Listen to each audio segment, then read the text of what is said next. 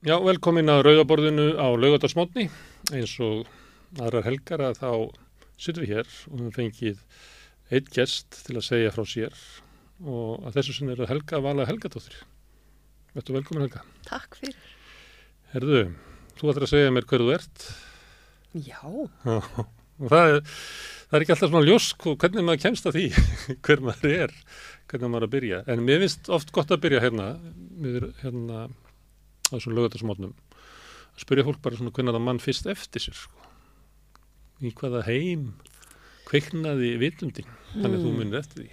já, sko, uh, ég man, ég man eftir mér svona að skottast um svolítið, svona að þvælast. Ég auðvitað uh, fætt og uppalinn í Vesturbæri Reykjavíkur og bjó fyrstu tvö árin á fólkagötunni og man í rauninni ekki eftir því. Nei. En svo fluttum við á Suðurgötu þarna beint á móti gamla kirkjugarðinum og þar, þar kveikna svona margar minningar, fjölmargar Já, og bjóð þar bara alltaf í rauninni sko. Uh, og þær eru, þær eru svona úr miðbænum, tjarnarsvæðinu, kirkjugarðurinn já. og svona. En Þannig að ég er svona miðborgar uh, krakki sko. Mm, þetta er svona sá stubbur af sögugutinu sem er beint á móti kirkjugarðinum sem að maður gleymir þessum húsum. En þetta verður svona hálfgett Beverly Hills, eða ekki? Þannig voru leikarar já, það voru leikarar hérna út um allt. Það Já. voru líka leikarar út um allt hérna á fólkagötunni þar sem að það var, ta- hún var kallið leikarablokkin já. og hérna, Er það það sem að Lagsnes áttu íbúð í? já, Já. og Gunnar Eyjóls og, og fleiri fleiri sko, og Sigurbjörnsson og Og hvað er með þetta með leikara, hverju þeir að rotta sér svona saman?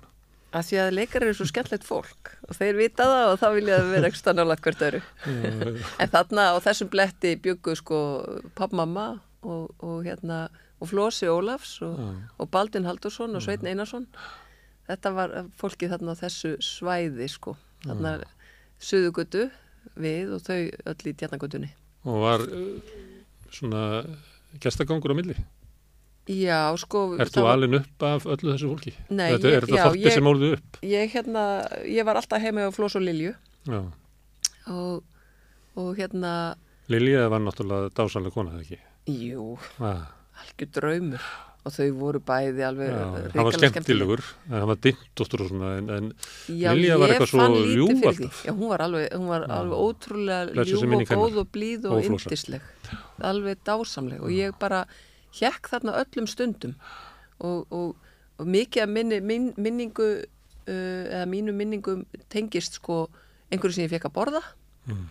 ég hérna og fekk hjá þeim sko möndluís sem var í, í svona einhverju brefi svona, þetta var svona sem að skar í sneiðar og hórkók sem að Flósi kallaði, sem að var tap. Já. hann kallaði það hórkóka að maður var svo hóraður af þessu. En þetta, þetta voru svona vini mínir uh, og svo uh, hérna Ásta dóttir Sveins og Þóru uh, við vorum vinkonur, hún var nokkrum árum eldri samt. Og, og svo Hilda sem bjóð þar við liðina þær byggu báðar hann nýri tjarnagötu beint á móti tjörninni þannig að þetta var svona mitt svæði svona þarna fyrst og svo að þetta stækkar það eftir því sem ég eldist sko og er í melaskóla og, og svo er hann að melavöllurinn og skúlibróðu minn sko ég var svona aftan í vagn við, hjá honum. Hann, hann var rosa mikið með mig. Og Halli líka en Halli var eldri þannig að hérna nefndi ekki að hafa eitthvað með, Nei, nei, það mætti aðeins, aðeins minna á honum sko. En skúli er árum eldri og hann einhvern veginn bara bara ábyrð á þessari stelpu sko. Já, þannig að ég fekk að fara með honum á melavöllin og sitja upp á skúr og skipta um hann plöturnar þegar einhver skúraði mark og svona. Og, og svo var ég bara svona ég var svona, ég var ekki svona bann, ég var svona krakki, ég var að klifra upp á hústök og, og gera alls konar svona hún strákast þetta. já, já, ég var það Mm. og ég, þetta alltaf- segi ég oft bara við bræðurnir sko Mm. en ég var svona hérna, Það er ákveðin tegund af, af konum sem eru svona strákastelpur sem að, að trublar það ekkert of mikið að vera inn í kallaheiminum. Ert þú eina af þeim? Já, að, já, algjörlega. á meðan að aðrar svona stuðast þegar kallanir fara að kallast þá eru sumar sem að já, eru aldar upp við þetta og þóla já, eða sko kallarnir í fjölskyldunni eru kannski ekkit svona kallakallar samt.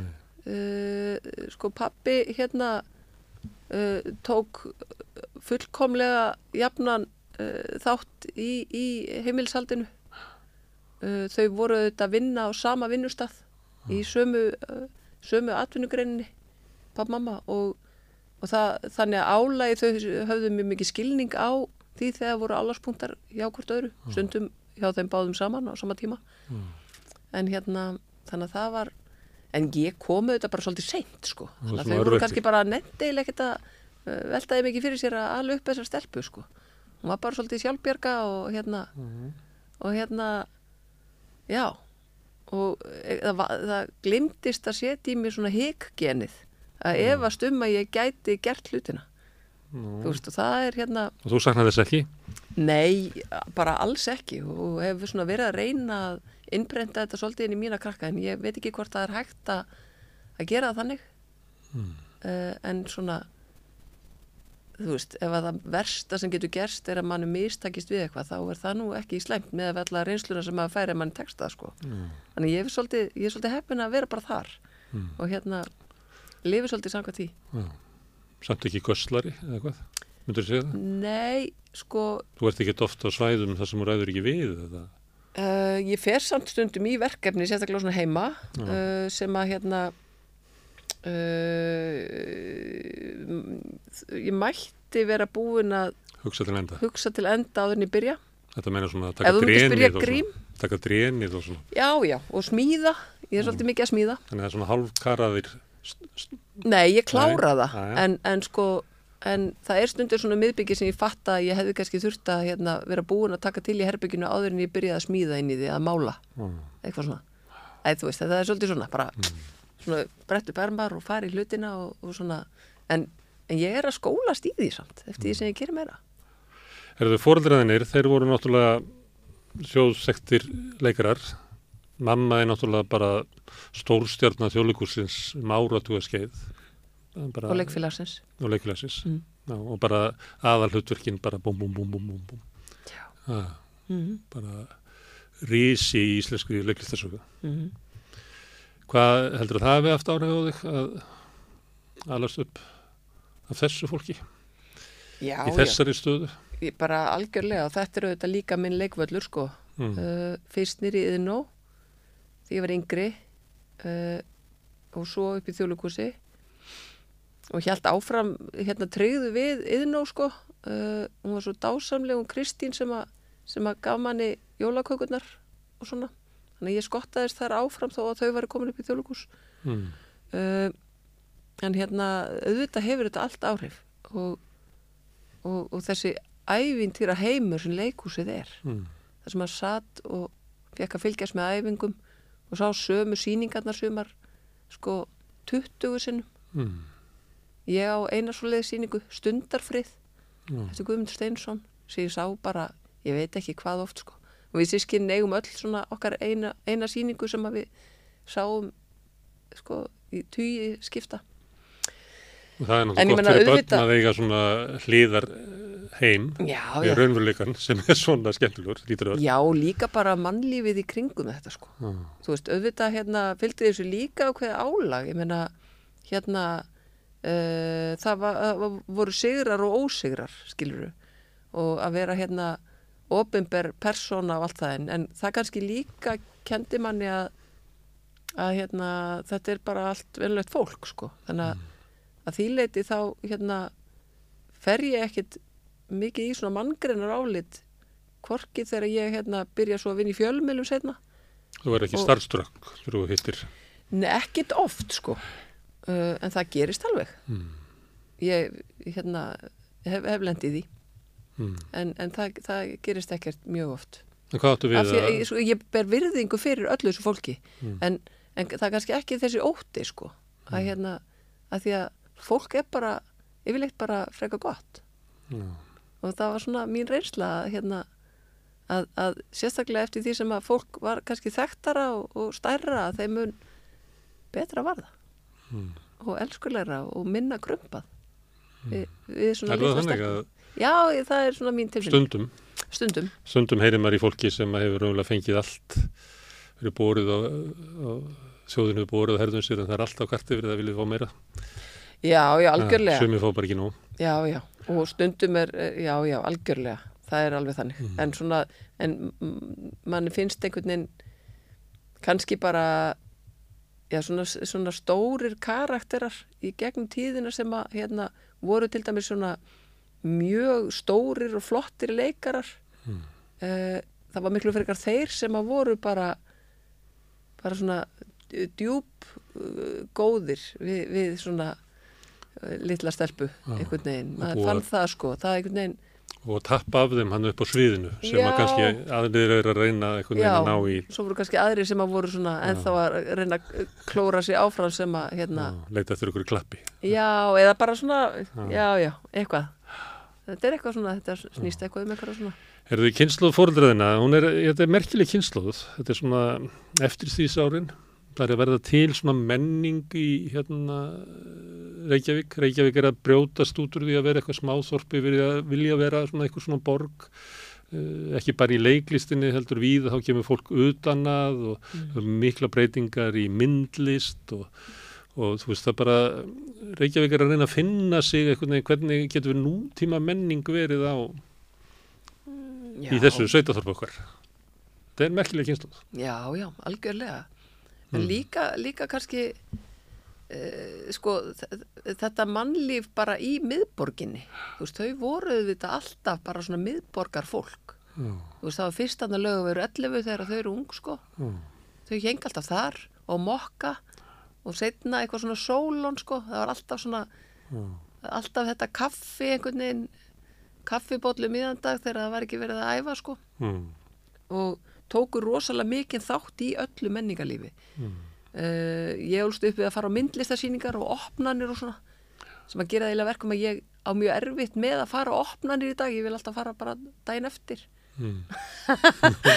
maður fekk svona ah, væntarlega af því að maður sá alltaf bara einhver bök það er erfitt að vera lítill, sko. það er erfitt að vera lítill á opnunum Ég fæ ekki uh, lítil börn til þess að fara með mér í til þess í mótmæli þau horfa bara á rassinn á fullorðafólkinu. já, einmitt, Það er bara Já. sillingur. fólki mitt er einmitt vant í að vera dreigið og svo leiðis en, en hérna En svo var náttúrulega hérna, því að þú nefndir hann nokkra sem að maður veit að voru að glíma við alkoholisma. já, Hún hjó mikið í þessa kynsluð listamanna já, og þú ert að telja hann upp og maður geti haldið áfram að tala svo nöstbarinn og fleira það sem að, að svona harmanir hvað gerðust hétt frekar. aftur sá bar Geirsbúð? Nei. Já, hann heitir það núna í dag sko. Það var nöst, þetta var Sigurjón hérna ekki sem var barþjóðnandi uppi sem var fyrir á, á, undir Já, jáfri á nöstinu. já, já, ok Það var svona listamanna, já, já, það var svona miðbæja rottu bar. já, já já, já, algjörlega sko. Það, sko, það var, það var klárlega sullað mikið sko. Já. alveg absolutt. Og hérna uh, sko það var kannski ekkit, það var ekkert mikið af svona partjum þegar, sko, eins, aftur segi ég, ég kom svo seint Já. sko uh, þau voru, sko, mamma var 41 og pappi 39 þegar ég fæðist. Þannig að það var kannski svona svona allsherjar partístand glömmur og gleði hérna fram á nótt kannski aðeins aðeins svona kannski farið að minka en samt ég menna uh, vissulega eitthvað sko Mm. en fór kannski minna fram bara heima í okkur Já. uh, Þannig að þetta markaði ekki, en, en þú veist, jú, heimili. jú sull, klárlega já.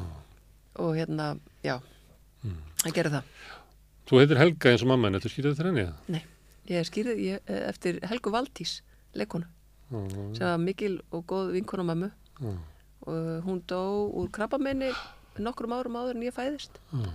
og þegar mamma gekk með mig þá hérna þá uh, var hún alltaf að byrtast henni í, í draumum hennar þess vegna heiti ég Helga Vala eins og sjómenn gera gerðan. já, Mm. þannig að ég bara Tveir heita ber- eftir sjómunum sem að druknuðu og vitjuðu það. naps. Þannig að leikararnir gera þetta líka. Koma Já. og vitja naps í draumi. ég bara ber þetta nafn með miklu stolti en það er auðvitað uh, Helga, Helga, Helgi veist þetta er út um allt þannig að þess vegna heiti ég Helga Vala en ekki Helga. Það það myndi, ekki, það myndi allir líti upp ef þeir eru kallað Helga já, það bara, já, eða bara mamma var Helga. Já, ég var alltaf Helga Vala og er bara Helga Vala já, það er hérna þannig að stundum þegar að þegar bara er notað fornafni þá, þá fatta ég ekki að það er verið að tala við mig.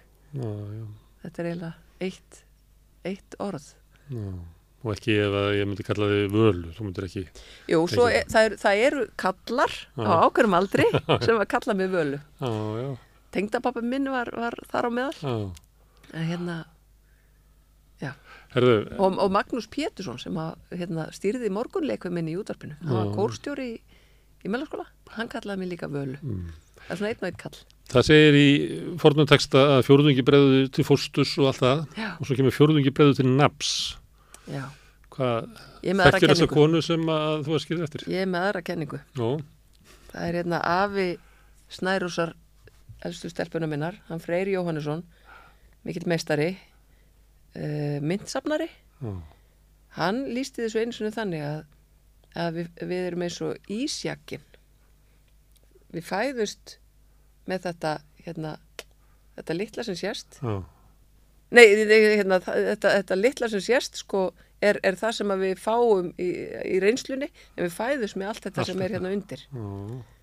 þannig að hérna að því að við bregðum að því að við bregðum svo ólíkt við áreiti og, Mm. og, og, og, og svona lífsreynslu Eftir því hver við erum eftir bara í því hver hvert bjargið er sem er hérna undir sko. Mm. og hérna og ég bara er sammála þessu hvort sem það er nafnið sem að, sem að hérna gera Mm. þetta verkum eða hvað sko.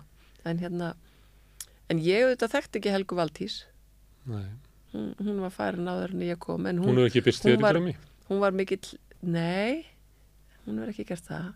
En mér dreymir nýmislegt samt. Já, og hérna já, já. og trúa það. Það en, var hérna- en sko um, mér skilst hún hafa verið mjög mikill bóhem. Mm. og það er ekki mikill bóhem í mér Nú ekki. nei ekkert sérstaklega Hvað er að vera bóhem? það er svona þá ertu hérna Temmilegt kæruleysi gagvart skildum sínum í já, Svona borgaralegu eigum skildum. við ekki að segja þetta, þetta, var, þetta var mjög vel orðað ha. Ha, Nei, ég, er, ég er rosalega mikil svona ítölsk fjölskyldu kelling sko. Ég er bara svona ljóninja. já. Líður þá best ef að þú sittur ykkur starf við endan á borði og það sem að Fólkið mitt er. fólkið er og allir að borða. Og ég er búin að vera hérna ræri potrum allan Já, dag. já. Það er bara, Það er þar, svolítið, þar er mitt jóka sko. já. Stundum finnst manni það að besta sem ég geti gert fólki er að bara gefa þau borða. Já, já. Og þá er náttúrulega máltíðin hluti af því. Það er svo mikill kærleikur í því og hérna, og það er rosalega gott svona, hérna, hópefli líka. Mm. Það er gott að, hérna, að bjóða e, vinnufélögum í, í mat og svona. Já, Og, og, og svona vinum bara og, já, já. en ég gerir þetta mjög mikið fyrir fjölskylduna mína. Svo Ekki könnunum- fyrir, líka bara fyrir mig. Eins og könnunum daginn sagt, í hvað löndum er líklegt að því að verið bóðið upp á mat ef þú kemur í heimsókn og maður horfði á svona svæðið þar sem þetta er og maður hugsaði þú veist að þarna er sko menningin það Já. sem er það Já. sem að ef að eitthvað kemur í heimsókn til þín og, og það er bóðið upp á eitthvað Já. sem að við höfum svolítið hæðstað hann að hnallþórunum og öllu því Já, að þetta er, ég veit ekki alveg það er- við vorum ekki ofalega norrænu þjóðuna skoruð ekki ofalega á þessu en þú ert Nei. komið til svona spánar og miðjarhafsins að þá er þetta bara regla sko. Já, já, já. Já, Algjörlega stoppa lengi og, og bara, það er bara verið að elda. já, já. Mjög ég held mikið, að sé sko. bara virðing fyrir bara hvað maturinn tengir fólk saman Já. sko. við erum komið með svona með svona neikvæða hugmynd kakvöld matnum Já, sem svona félagslu já, ég er bara ósamála því. Og það er kannski, ég er kannski líka ósamála mér þegar ég segi, ég sé svona ítölsk, ég er kannski meira grísk. Því gríkinni gera þetta líka, sko. já, já, Og það er, það er ótrúlega fallegt að því að við höfum verið svolítið þar. Að fylgjast með þegar fjölskyldan er að skottast út að borða svona um níu leitið, kannski tíu. mm, og það eru allir með, allir saman og svo er bara setið bara lengi og, og það er ekki verið að sumbla sko, það er bara verið að borða og kjafta og skilur þetta er ekki eitthvað fyllir í sko, þetta er bara, þetta er bara samveru stund fjölskylduna já.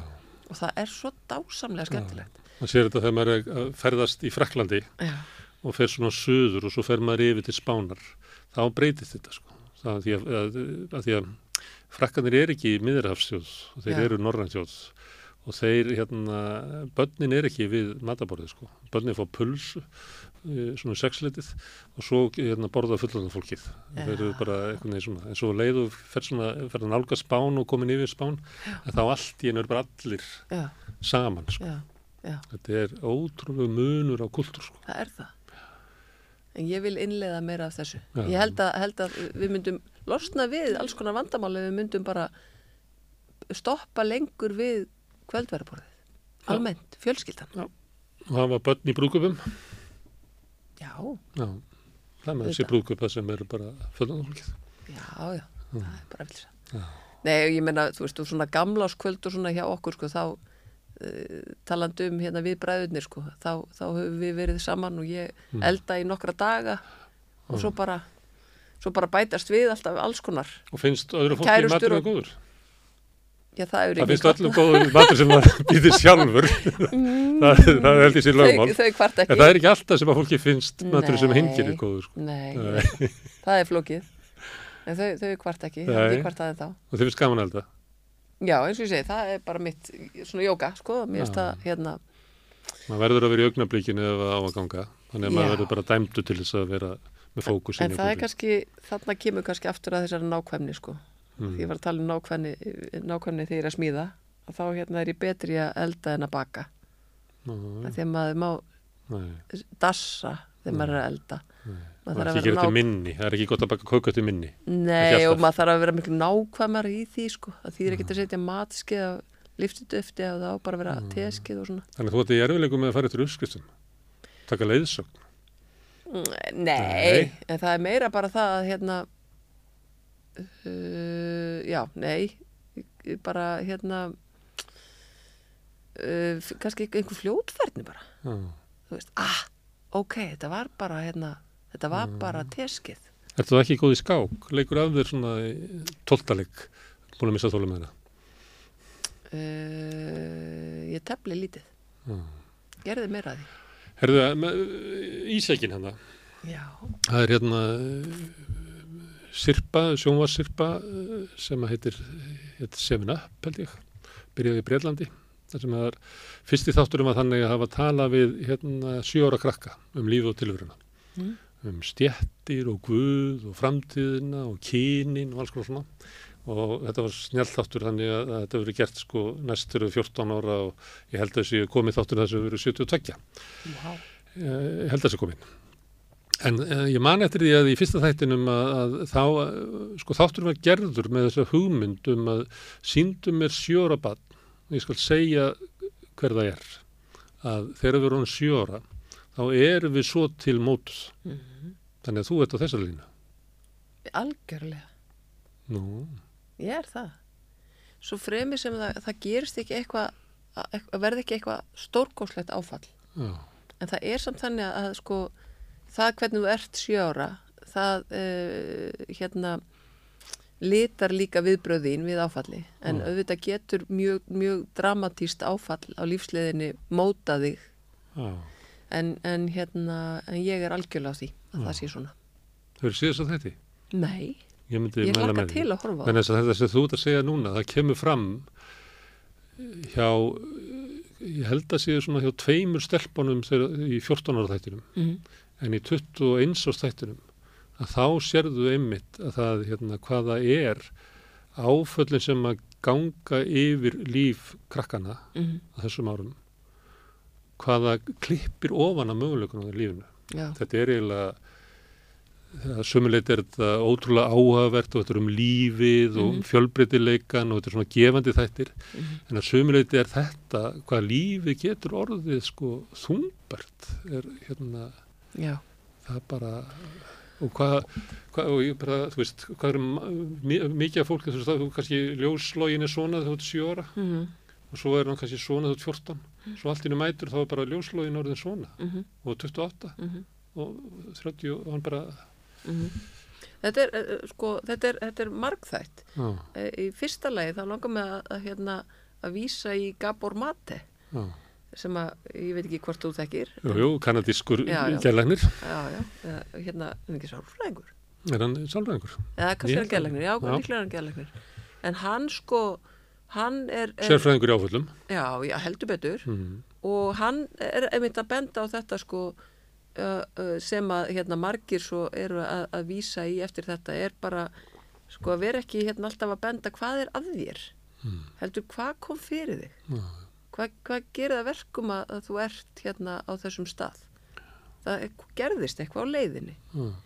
og uh, það var svo, svo mögnuð mynd eða svona heimildamynd um hann sko sem heitir Wisdom of Trauma sem ég mæli með að allir horfa á.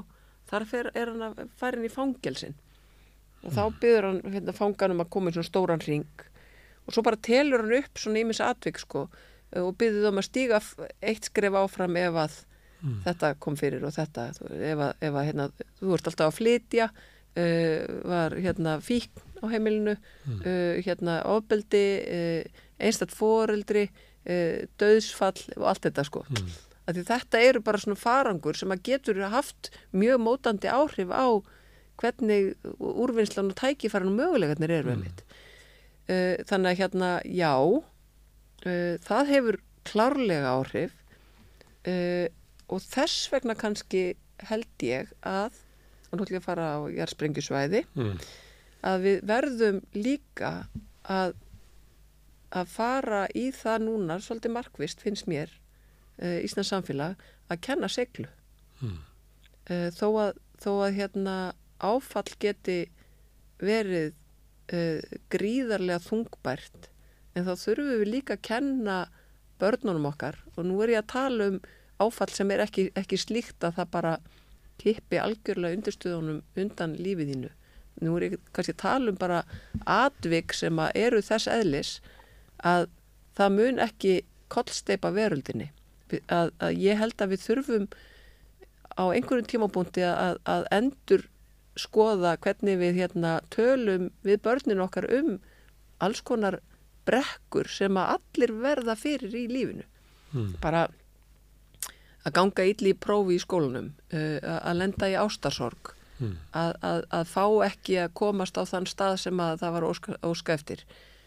Uh, uh, þú veist, það, það er hérna helsti kvíði kennara í mentaskólum og háskólum eru sko allir þessi foreldrar sem eru stanslöst að ringja Mm. og, og kvarta fyrir börnin sín mm. fyrir, fyrir rík fullarðu fólk sko alls konar svona sko Þannig veist, engunum og... já, út af engunum sko og alls konar svona sko við erum aðeins sko um leið og við erum farin að, að sína þeim að halda betur utan um þau en við gerðum. Þú veist, það eru færri börn sem eru algjörlega sjálfvala en var. Meina, Þeim líður ver. Já, sko, ég meina íþróttamótin eru fulla af foreldrum. Á hliðalínunni. uh, sem er líka jákvætt. Það er, það er gaman að taka þátt í lífi barnana sína Mm. það, það er skemmtilega, það, það er miklu meira utanumhald og svona en þá verðum við líka að kenna þeim hérna að takast á við mótlæti ef þú ert ekki valinn hérna í liðið að þá bara þarf að leggja þess meira fram og hérna gengur betur næst og allt þetta sko þú veist og alls konar svona Hvað er gert þá sem að í staðin fyrir það að stappa stálinn í börnin, hvað er ef þú kemst ekki liðið? Þá ringir fóruldrið í þjálfarann og, já, og hvað, ertu svo settur á eins og- hvíðastillandi líf? Já, nákvæmlega, nákvæmlega. Og ég heyri bara frá hérna góðum vinnu okkar sem að, sem að e, er læknir að, að og var heimilislæknir að hann var að, að, að eiga við það að fóreldra voru að koma með börn sem að e, og óska eftir einhvers konar kvíðastillandi lifjum. Nú er það auðvitað algjörlega nöðslegt stundum. En hérna en, en hann var ekki alltaf til í að bara skrifa upp á slíkt bara svona úforvarindi sko. Mm. og hérna ég hef talað um þetta árum saman ég, manna, man eftir ég að hafa setið og beðið eftir að fara í eitthvað kastljósviðtal um, um samgöngumál við samgöngur á þeirra sko. Og þá vorum við einmitt að tala um þetta bara svona, þú veist við þurfum líka að kenna börnunum okkar að, að stundum er hérna rosagaman stundum er brekka og það er lífið menn stundum ferðu bara í, í grenjandi ástasorg Mm. og það er bara það er bara líka gott að í lifir því. það af, sko. Já, já, en, en þá, er þarf maður, þá, þarf maður sko. þá þarf maður að kenna einhvern veginn Hvernig hvernig, hvernig lifir maður af svona áfall sko. Við höfum talað um þetta hérna í vetur, svolítið við rauðaborið, Já. um á hverju börnunum og það endur öllum, okkur líður öllum ver í samfélaginu Já. og sérstaklega börnunum og svo förum við alltaf yfir það sko, getur það verið vegna þess að við erum bara með betri aðtegli á mannliðaninu, við erum frekar til í að viðurkenna það. það er í allir sem ég spyr á því að þó svo að við myndum sko íta því til hliðar og og jafna fyrir því, þá virðist það vera að börnunum okkar líði ver í samfélaginu. Og þá ætti það náttúrulega að vera ef það er eitthvað stað svona bú, bú, bú viðvörunljósum að við verðum að gera eitthvað öðruvísi Mm þá er það þegar ef að börnunum okkar líði ver. Já, já, það er bara, er bara hryllilegur kultúr það sem að sko þessari kynslu barna líður ver en síðustu og ver en síðustu. Það er bara, við erum alvarlega á rángri leið sko. Og vansæl börn, það er, það er svo vond, sko. Það er svo, það er svo Já. óbærilegt Já, að upplifa það sem foreldri að, að barn sé vansælt. kannski þess vegna lá- eh, láta fóröldarnir svona Já, af því það er að vera með vansæl, vansæla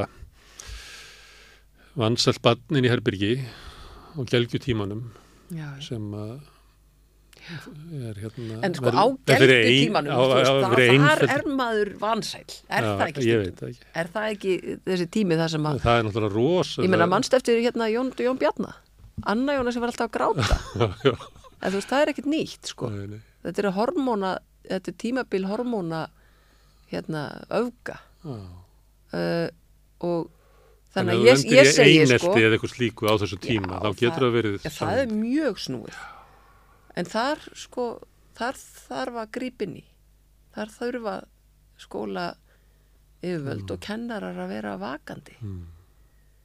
Ég er að hugsa um ákveðið þegar ég er að segja þetta með batniðin í Herbyrgi að því að hérna, eftir hrun að þá voru að ferðast í Nóri Mm. Og það var eitthvað svona þráhyggja í mér að vilja ferðast í kringum Ísland saman sem koma við Ísland svona, og Skotland og, ok, Býtuðu, þú ætlar að, að láta okkur verða að Noregi, var það ekki? Já, það var eitthvað svona, þá ég áttaði mig á því að hvað var stutt síðan og ég var bara, var líka að hugsa um skot, þegar ég var þetta með Skotlandi þá eiginlega skinja maður að við erum eiginlega með samilega sögu og svona, það er annar mál, ég ætla ekki að, Já, já, þú tekur bara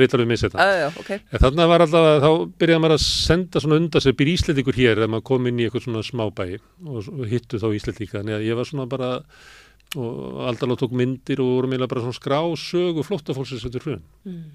Svo var það á nokkrum fjölskyldum. Það sem hafi verið únlingur sem hafi flutt, sem var slitin upp úr sínu félagslega umhverfi á Íslandi og flutt.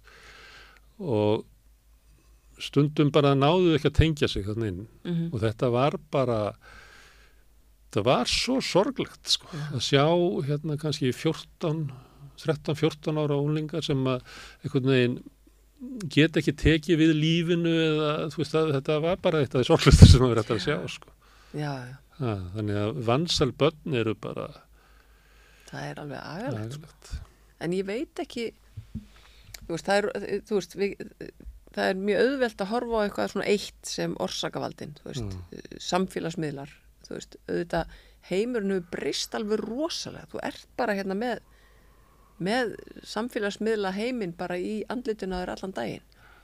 Uh, sko, mér finnst til dæmis mjög skrítið að skólar þor ekki að taka síma af börnum, eða bara banna síma í skólum, punktur.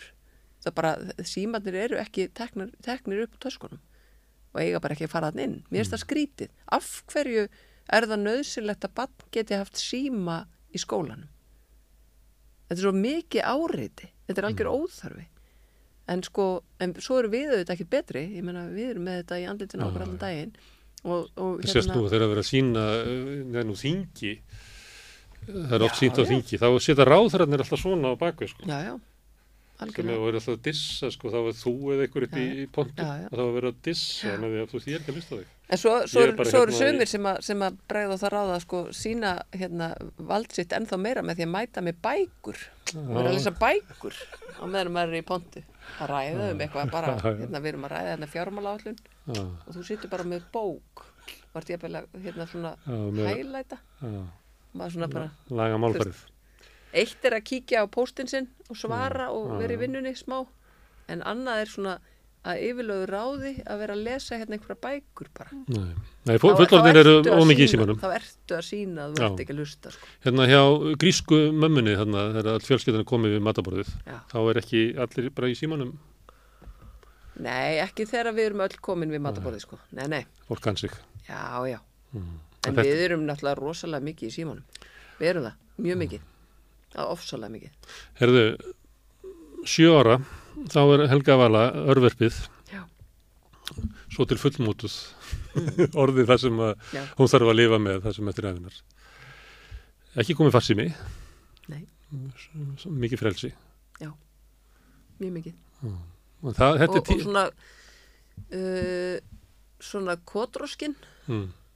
Og heimurinn að stækka, Já, já, stækka rætt. já. Og bara, og bara, einmitt, þetta frelsi, sko. Uh, Ertu ánað með þessa stelpu þannig að þessa sjóra? Ekki vendum hana? já, ég er það. Já. Hérna, ég hef stundum hérna bara sagt að, ég var heppin. Ég var bara mjög heppin. Ég fættist undir sól og, og er með hérna mjög svona, svona glöð bara. Já. Ég er það og var það þarna og hérna og já, það er, ég er bara mjög lánsöm hvað þetta varðar. Og Nei. finnst yfirleitt gaman. Er þá ekki hættulegt fyrir þig að vera að segja við hennar þann sem er dabur og súr hann vantir bara meiri siglu ef að þú hefur fengið einhvern veginn svona sól í sinni Jú, öruglega. Það er öruglega mjög hættulegt. Já. En ég held að sé samt bara, ég held að sé samt betra að við tölum aðeins upp það með segluna. Ég menn, ég, við, hérna, Það hafa gesti mínir sagt við, hérna við, við erum með, við erum með fjögur börn, sko, og hérna, og þau eru þetta, sko, mjög ólíkir karakterar, gríðarlega, og, og ég veit ekki, ég held að ég hef ekki skaðið þau mikið með því að segja þeim stundum að, að fá sér vasklas. Nei. Þau gera grína mér svolítið fyrir það.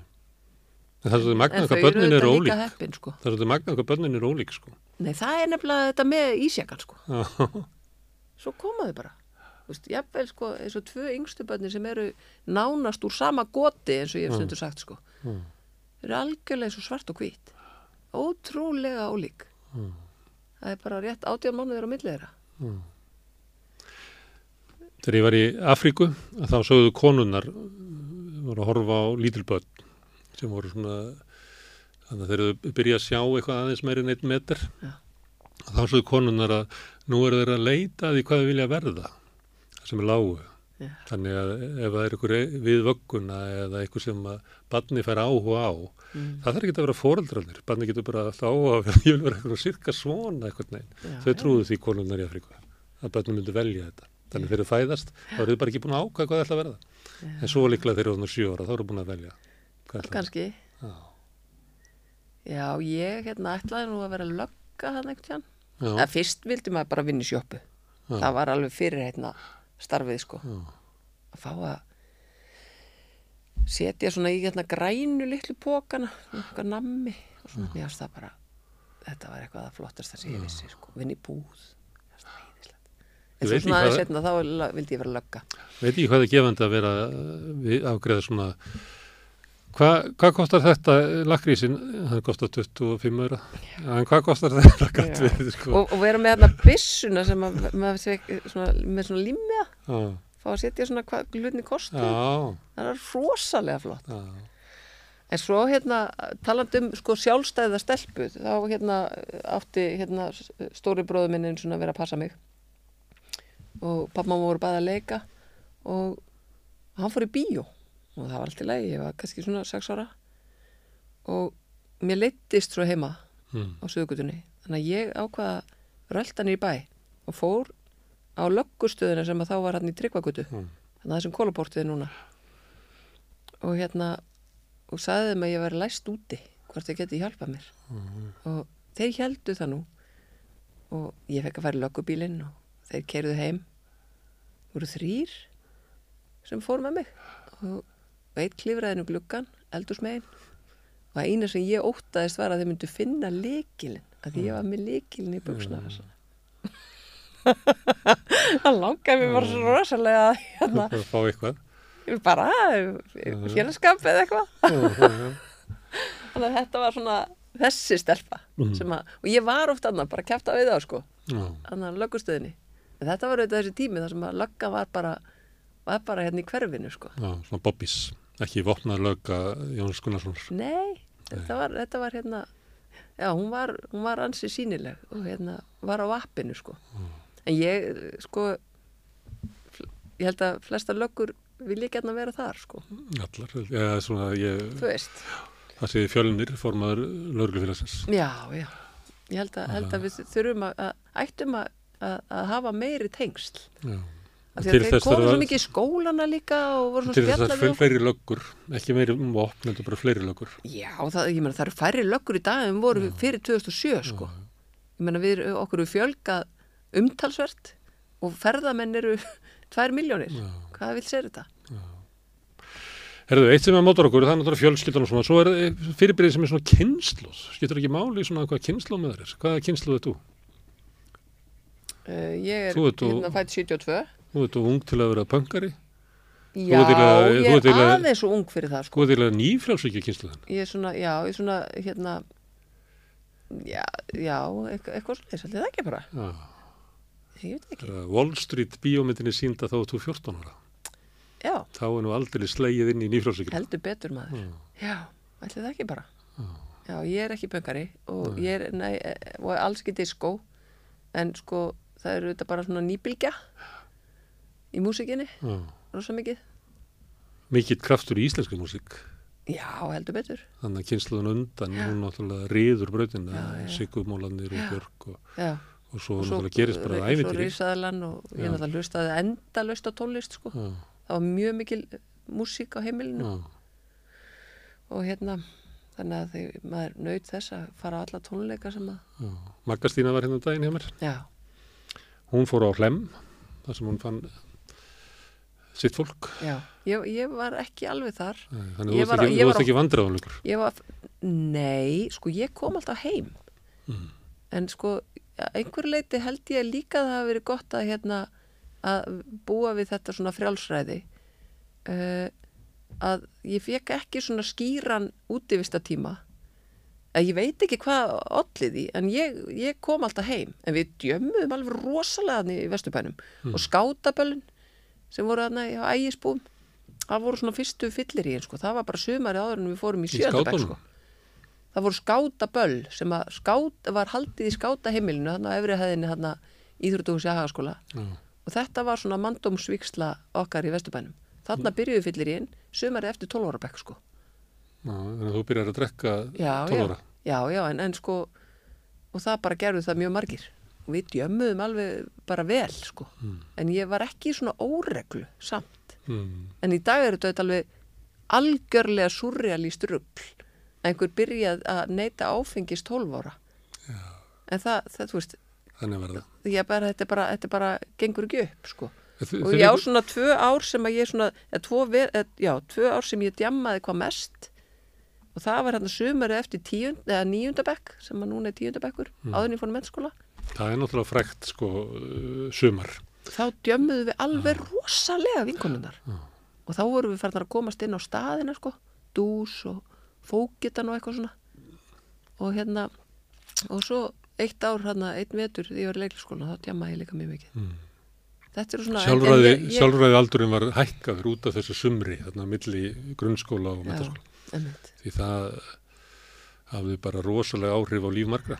já, Þannig að það var eiginlega tekið sjálfræðið af börnum út af þessu sumri sem að þú lifir þetta. já, Ha, ég, ég skilði það vel sko en, en hérna, en það var einhver ótti í mér samt sko þannig að þegar aðrir voru, það voru alveg krakkar í kringum í, í hagaskóla sem voru að sniffa já, og svo setna í MH sem voru svo þetta mikið að reykja svona alls svona skrýtna síkartur og, og prófa ecstasy og alls konar svona, það var alveg fullt af svona, en það var, þarna var eitthvað svona hik í mér sko þannig að ég bara játa það hér, ég hef ekki eins og prófað að reykja gras sko já.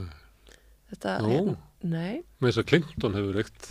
já, já, já, og ég myndi alveg fúslega játa það Já. ef, að- ef að svo væri, en ég er eiginlega að játa hérna Já, já. hitt sko, hérna það var eitthvað í mér og þegar að hérna þegar að það svo bauðst svona af einhverjum, einhverjum krafti í MH sko, það var samt alveg verið að nota alls konar svona í, í hagaskóla. Mm. þá fannst mér ég eiginlega verið nú gömul til þess að prófa það þá sko. Svona 17, 18 það bara nei, það tekur þig ekki úr þessu ég er þessu. svo gömul sko. Hugsaði ég þá. Þannig ég bara það var alveg laus við þetta. Mm. ég held að ég hafi bara en, að ég óttaðist það bara, ég hugsaði bara já, ég mun örgulega að vera bara dópsti þannig að borga sér ekki það Svona minn drekkur ekki, er aldrei drukkið. mm. Hann sagði að svona fyrri, svona 22-23 ára svona fyrri hluti háskólarana hafi verið vestur sko. Þá hafi eiginlega verið, það verið svo mikil svona félagslegu þrýstingur á því að vera að drekka. Já. Allt sem að var gert tengdist drikju. Hann sagði að það hafi verið eiginlega, hérna, svona eiginlega erfið eftir tíminn. Af því að það væri bara allt í svona ungmennis kultúnum væri sko drikja. já, ég held að sé líka svolítið á mentaskóla árunum er það ekki? Já, eiginlega að það væri, sko, ég held að hefði væri sloppin eftir metaskóla, Já, það væri að skána, en það er eiginlega bara vesnað. Mm. Þannig að það er mi- mikil svona neyslu kultúr í ung, ungmannakultúrin. rosa mikið. Og núna bætist við allt þetta kokteila dæmi.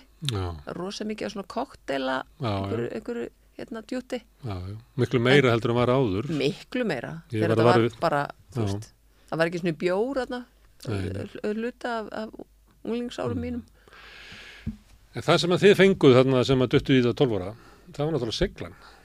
Þannig að þú getur ekki ekki segluna nefnum og fáir sko bara röða áföllum já, til þess að læra að komast í gegnum það. já, já, Þannig að hvort viltu hafa seglulöysubönnin eða fullubönnin. Er hægt að að búa til ykkur að millilegðana? já, já þú veist, ég meina ég, eh, sko Æ, ég veist að, ég, þú veist, þetta er auðvitað bara eitthvað svona, e, eins og þú sagðir aðan, sko, hvernig getur þú tala svona þegar, þú veist, þú ert fætt undir sól og Já. allt úrslega vel, en skilur það er samt, uh, maður þarf einhvern veginn, það þurfa allir að, að, að, að, að ná ákveðinu siglu, af því að það fer enginn í gegnum lífið algjörlega, algjörlega án þess að það sé brekka. Nei, búta sig Það að er lífi sér bara þjáning. Að, mér, þú veist, Að ég segi, hann er að Já, já. adressa þetta. Að, Já, þú veist það- ekki reikna með því að þetta sé bara að dansa rúsum. Nei, nei, en ég, ég, vil, ég vil meina að lífið sé uh, ævintýri, Mm. en í öllum ævintýrum þá er hérna alls konar atvik. Þú þarft að, að komast í gegnum hérna fenið og, og mæta norninni og allt þetta skilur. Það er, það er alveg það.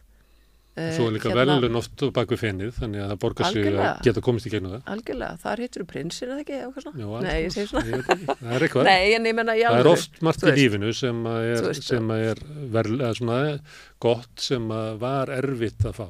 Já, og, en það er ekki bara þarna að því að, að því að eftir því hvað þú fær tækifæri til þess að takast á við segluna. Og þarna er ég kannski að segja að, að við foreldrarnir, við þurfum að leifa börnunum okkar að, að, að, að þjálfast í þessu. Ef við erum alltaf einhvern veginn að grípa og ætla að laga hlutina og, og rífast við þjálfaran og allt þetta tót sko, að þá erum við að taka fram fyrir hendurnar að þeim og hérna og komið veg fyrir að þau fái að upplifa hérna dramað.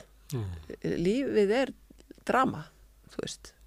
Og það, það er hérna já, það verður að vera svo liðs því við, við verðum ekki þakklátt ef það er alltaf jól. Herðu, Hagaskóli. MH, Já. leiklistaskólin.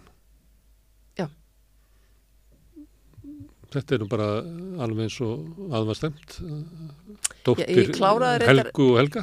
ég sko, ég kláraði reyndar ekki stúdentinn Nei, og ég átti ekki að fara í MH það fannst þeim alveg agalegt ná okkur. að því að þau, hérna, sko strákarnir, bræðu mínir fóru í MR Mm.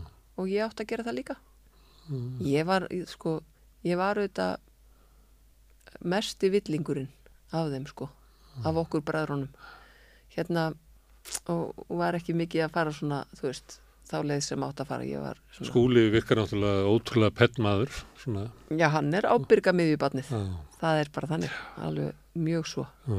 Hallgrimur er hins vegar, maður sér hann ofta á gangi, já, já, ég vil fáa menn sem ég, ég er ekki reyndar undarferð. Það er svona tímabili þá ég vil fáa menn sem ég oft mikið á gangi í Reykjavík eins og bróðin. já, hann arkar um borgina mikið, hann gerir það. Og hérna, þannig að hérna þeir eru mér mjög kærir. Já, þetta er ekki mjög óskaplega vænt um þá. En, en hérna, en svo þeir sér að fóru þarna þessa réttu leið fóru gegnum MR og svona, ég á hvað að velja MH og það var í rauninni hérna uh, hvað segir maður? Uh, svil kona þín fyrrum, auður Bjarnadóttir sem að hérna sem að hérna sagði fóreldrum mínum að, að, að það væri óhætt að ég færi í MH, það væri ekki allir bara að reykja hass í MH já. og þannig að þau svona ákveða að taka það í sátt. En En hún hefði ekki farið í MH, var hún ekki Nei, bara ég komin bara 15 ára eitthvað stort í heim jú, ballett, sko. jú, jú, en það var bara eitthvað, eitthvað sem að, þú veist, hún bara hérna, þekkt einhverja eða eitthvað, ég veit það ekki sko. en hérna en uh, ég fór þangað en, en uh, fór ekki alveg beinu leiðina sko, bara ég hætti ein, eitt vorið akkur er, er þetta ekki svona, er þetta ekki þeim blómatími hérna að mentaskólarinn? um, sko, það var ráðist á minni í bæ. Já, og hérna og það var hérna snúið. Hvernig ráðist það þig? ég bara lendi líkamsárás. Það var bara einhver brjálaði maður sem að barði mig til óbúta og, og þá var það var svona smá áfall. Ég þurfti að hérna jafna mig eftir það. Tekur langa tíma. Já, já, eða þú veist, jú, jú Það maður lappar Það um er hérna- gödunar og reiknar með því að maður sé bara safe. já, að það er alveg, það það er alveg ekki. hérna, það er og maður skal ekki vanmeta áfallið Nei, nei. og hvað það býr lengi með manni Þetta er þess fólk sem hefur verið brotist inn, inn hjá, það ekki bara átt að segja á því að þú veist, það hefur Já. eitthvað breyst heimilið bara við það. Þetta er það var næstu því 30 árum setna sem að ég stóð í strætuskili þá voru en lögmaður Já, í Lækjagutu var að fara að taka strætu og vestur í bæ og það stendur hann allt inn fyrir frá mig sem maður. Og ég misti næstu fótana. Ég, náði að koma mér út úr strætuskilinu og náði að ringi grím algjörlega bara skelfingu losti þarna var hann, hann gamall maður sko. Og ég auðvitað bara þú veist, í liftingum í völsla sko. Ég hefði geta bara já, gert svona og hann hefði dottið í göttuna sko. En ég algjörlega lamaðist. Já. og hérna þannig að sko maður skal ekki vanmeta áhrif þess að verða fyrir svona ofbeldi. Bara aldrei. Og hérna dómarar þessa lands þurfa að vita það, þau þurfa að átta sig á því hvað þetta er mikið áfall. Að verða fyrir svona fólkskulir árás út á götu sko. Eða, eða hvað þá heima. Það er náttúrulega ennþá skelfilegra þar sem að heimilega á að vera griðarstaður en, Og varstu- hérna, en þetta, þetta var svona Varstu brotin eftir þetta og já, þarna er búið að rjúfa þarna einhvern svona einhvern svona öryggi. Veistu út af hverju þetta var? Bara... var varstu bara alveg höggin? opinn var bara hérna á, á röngum stað á vilsum tíma þú veist, þetta er bara einhver brjálaði maður. Og þarna svona líka hérna uh, brást sko svona kerfið, þú veist, löggan bara brást algjörlega. Og, og sem að, þú veist uh, skýri kannski líka áhuga manns á því að, að fara þá leið. Mm. að uh, tryggja réttindi þeirra og rétt þeirra sem að sem að verða fyrir árásum. Og já, en það var, þannig, að- það var þannig og svo hérna, svo tve, tveimur og setna þá tók ég aftur uh, pásu einu en uh, af því að ég átti von á badni og, og, og varð mamma 19 ára og það var stórkurslegt það var algjörlega Mæli með því líka eins og að byrja að drekka 12 ára. Já, það var bara aðeinslegt og, Já. hérna, og uh, einhverju vildu meina að ég væri allt ung og ég var bara algjörlega ósamála því. Þetta var bara, s- bara frábært, þetta var algjörlega aðeinslegt og, og hún svo, svo, svo sannarlega velkomin. Já. Og ég var svo heppin að eignast hérna stúlku sem var líka fætt undir sól, eins og ég. Já, Einhvern veginn algjör sólargesli og hefur alltaf verið, sko. já, Þannig að hérna, við hérna ferðumst um, um allan heim saman mm. og hún var bara alltaf með einhvern veginn einhverju heldur að lífið mitt myndi klárast þannig fyrst ég var nú mamma en það var bara alls ekki Það stundum að ungi fóreldrar hérna, að þú veist, þegar maður sér þá með börnin, þá sér maður að það er eitthvað eðlert við það því þau, þetta er svo áriðslust og meina Já. kannski fólk sem eignast fyrsta barni mjög seint að það er einhvern veginn, einmitt að ringi í þjálfaran og já, já, það er vomandi einhvern veginn yfir barninu að ótta um allt fari illa en já, unga fólki oft það bara, maður fattar ekki hvað getur gerst sko, þannig að maður bara einhvern veginn, já, þannig að þetta er svona náttúrulegt. Það er samt ég- ungt, þú myndir ekki mæla með því ef þú myndir labba á milli 12 ára barna núna, þú myndir ekki mæla með því að fara að drekka. Og þú ekki heldur Nei. 19 ára stúlkna að þau fara að eigna eða Æ, þú veist, ég bara, nei, ég myndi ekki mæla með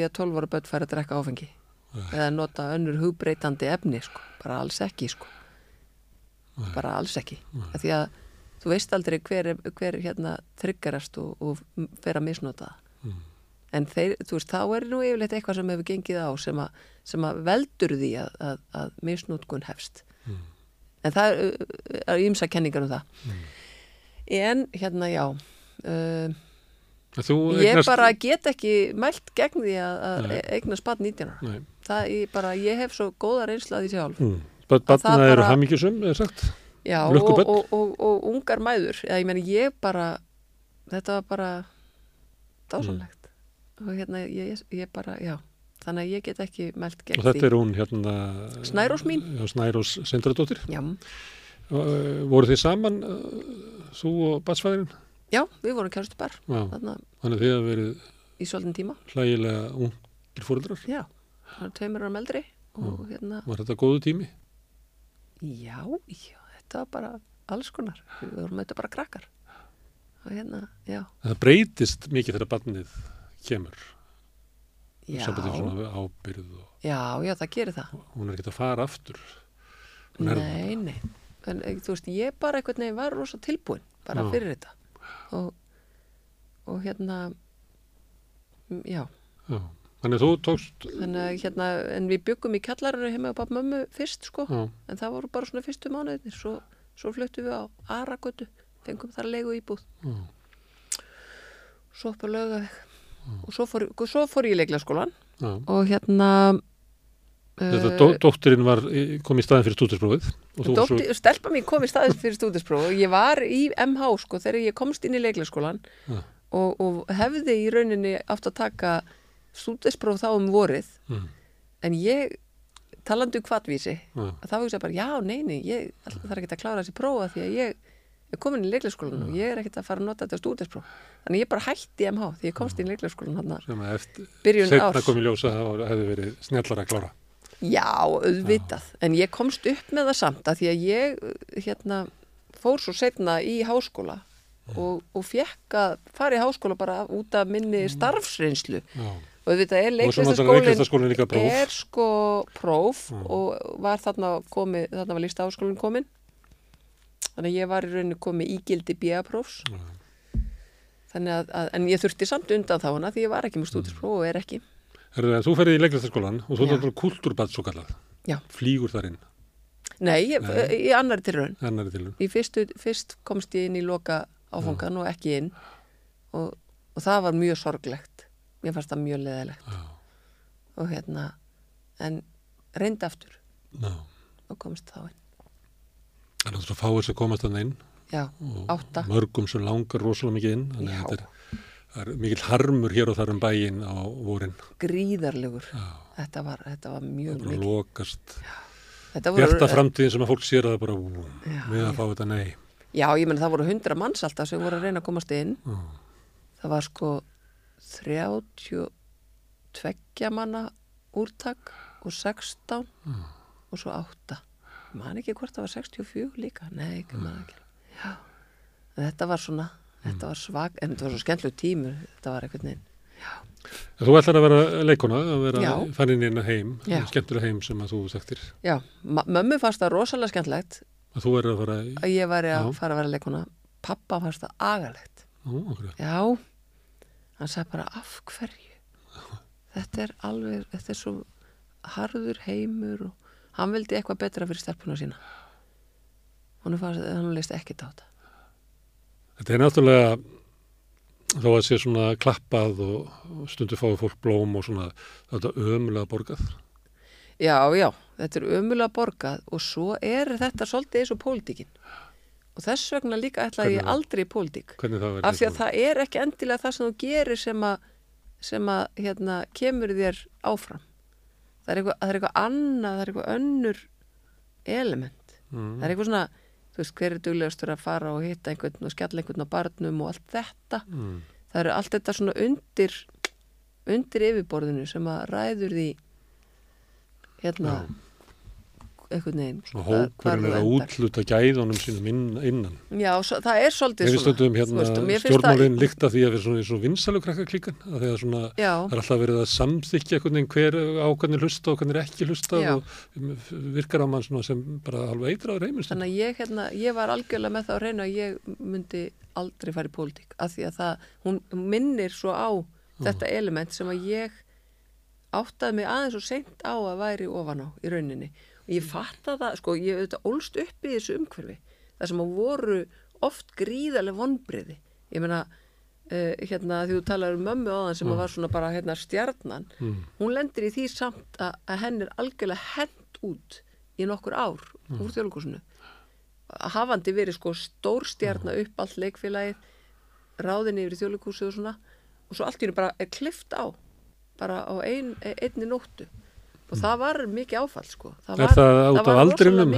leikonu nei, nei, lenda það í var þessu? raunu, hún, nei, nei. Það, það hætti, var- það, það var ekki- bara- það of gamla til að vera leading lady. Nei, það, Nei. það var ekki þarna sko. Þetta er í rauninni aðeins áður sko. Þetta var bara þetta var eitthvað, það voru einhver öll þarna verki. Og því miður. Og hérna, og það var henni mjög þúmbært þá fór hann að búa til alls konar sjálf sko, bjóti Reykjavík sögur ástu og svona. Og ég var auðvitað búin að fylgjast með þessu og hérna, og hvað þetta gatt verið grimmur heimur og einmitt eitthvað svona annað sem að sem að orsakar það heldur en það að hún væri ekki góð leikona þú veist, að því hún var auðvitað frábær leikona og ótrúlega svona, með svona djúpan karakter sko. Já. Og Og við getum hérna- séð sem hún leik í sjónvarsleikritum og öðru slíku, en við getum séð mest að því. Og Þó að við sjáum náttúrulega ekki sko hann á sviði lengur. nei, nei, nei. Mm. og hérna og þannig að hérna en það er það sama í pólitíkinni. Það eru svona, alls konar svona refshættir og kannski það sem er flóknast í pólitíkinni er það sem að gerist sko innan flokkana þú veist, það er það sem að þar, þar einhvern veginn er umhverfi sem að maður á erfiðast með. Mér finnst ekkert og ég teki því aldrei persónlega að vera í einhverju svona átökum milli flokka. Nei. og það er kannski það sem að líka þetta hérna Það er átökin inn í tjaldinu. í það er herbúðunum átökin inn í tjaldinu sem, fólk eru miklu flóknari sko já Þú veist að ég stopnaði sósistaflokk og það fór ég svona á milli og talaði við fólk úr ýmsum, pírata og gamla krata og vafge fólk og fólk úr bús og svona bara uh, tala um pólitík við fólk og svona þeirra reynslu og þá var ég að meta, þá var ég að reyna að læra hvað við um ekki að gera, mm. læra mistökum hannara. Og það sem að sló mig mest í þessum samtölum var það hvað sárin eftir samherjana eru djúb Já. og hvað þau gróa já, og það, hérna, sumuleiti er svo þessi svona barátta og bara bæði í, í formlugum flokkum og líka bara svona aktivisma hvað þetta getur sko leiki fólk illa sko. Það er alveg út ja. það er alveg magna og ég var auðvitað búin að sko að því ég uh, hef starfað með samfélkingunni lengi sko þannig að ég fylgst með mjög mörguðar þú veist. Uh, þó ég hef ekki alltaf verið hérna, en þú veist, ég, ég hef svona uh, byrjað þarna svona af einhverju, einhverju alvöru sko 2007 cirka auðvitað fylgst með henni miklu lengur.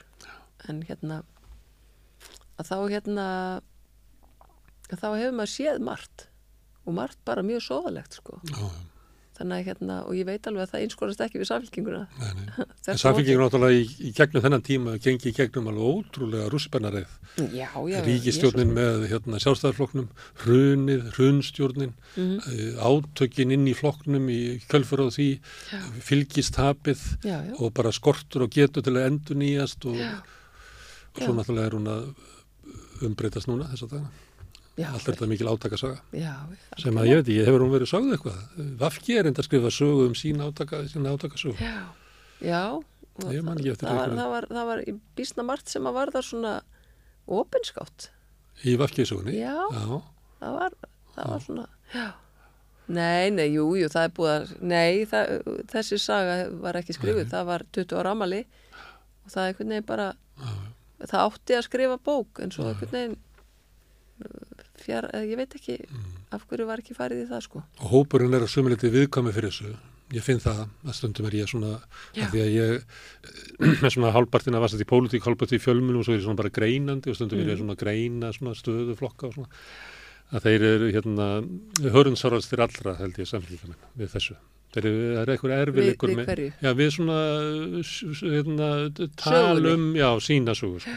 Það séu svona eins og séu eitthvað óuppgert og óklárað og svona við, við svona, eh, styggara styggari við það svona að því að, Já, mm, já, það er bara mín reynsla en ég ætla, að- ég veit það ekki alveg, sko. Já, ég, ég ætla að draga það aftur held- held til baka. Þetta getur verið bara alls konar, ég ætla að draga aftur Já. tilbaka þú ert komin í Mhm. ert útskrifast Mm en þú ert ekki leikona í dag, Nei, það? Já, ég var einmitt, talandu um það, að hérna, ég áttaði mig á því þegar ég, ég sagt, fór að leika fyrir norðan og var að leika hérna eitthvað og eitthvað svona, var að leikstýra og svo býðs mér að fara til Bredlands að leika og var að leika þar í hérna, sjálfstæðu fólki uh, í svona farandleikúsi, alveg ríkalega skemmtilegt verkefni. Mm. og uh, þá voru að ferðast inn uh, í East Midlands, ferðast milli, milli alls konar uh, bæja og, og smáborga og hérna og það er rauninni þarna sem að rennur upp fyrir mér að þetta leikúslíf er ekki og þessi, þetta krump Mm. og þetta óryggi og þetta, þessi ótti uh, í starfinu helgaðist ekki við hennar litla marka á Íslandi. Af því að þarna var ég að leika með brettum og það var alveg sama krumpi þarna. Að geta gegnum kvílt í sér og noti þess að vera í verkefninu að því að maður er alltaf að spá í hver er út að horfa sem að færi mér næsta verkefni. Mm. sko mér fannst alltaf lang skemmtilegast á sko æfingatíðanbylnu að skapa Mm. og meðan að sumir sem voru í kringum mig fannst alltaf miklu skemmtilegra að neyja sig, að fá að sína og það, þannig að hérna þarna átta ég mig á því að þú veist, kannski væri þetta ekki endilega málið.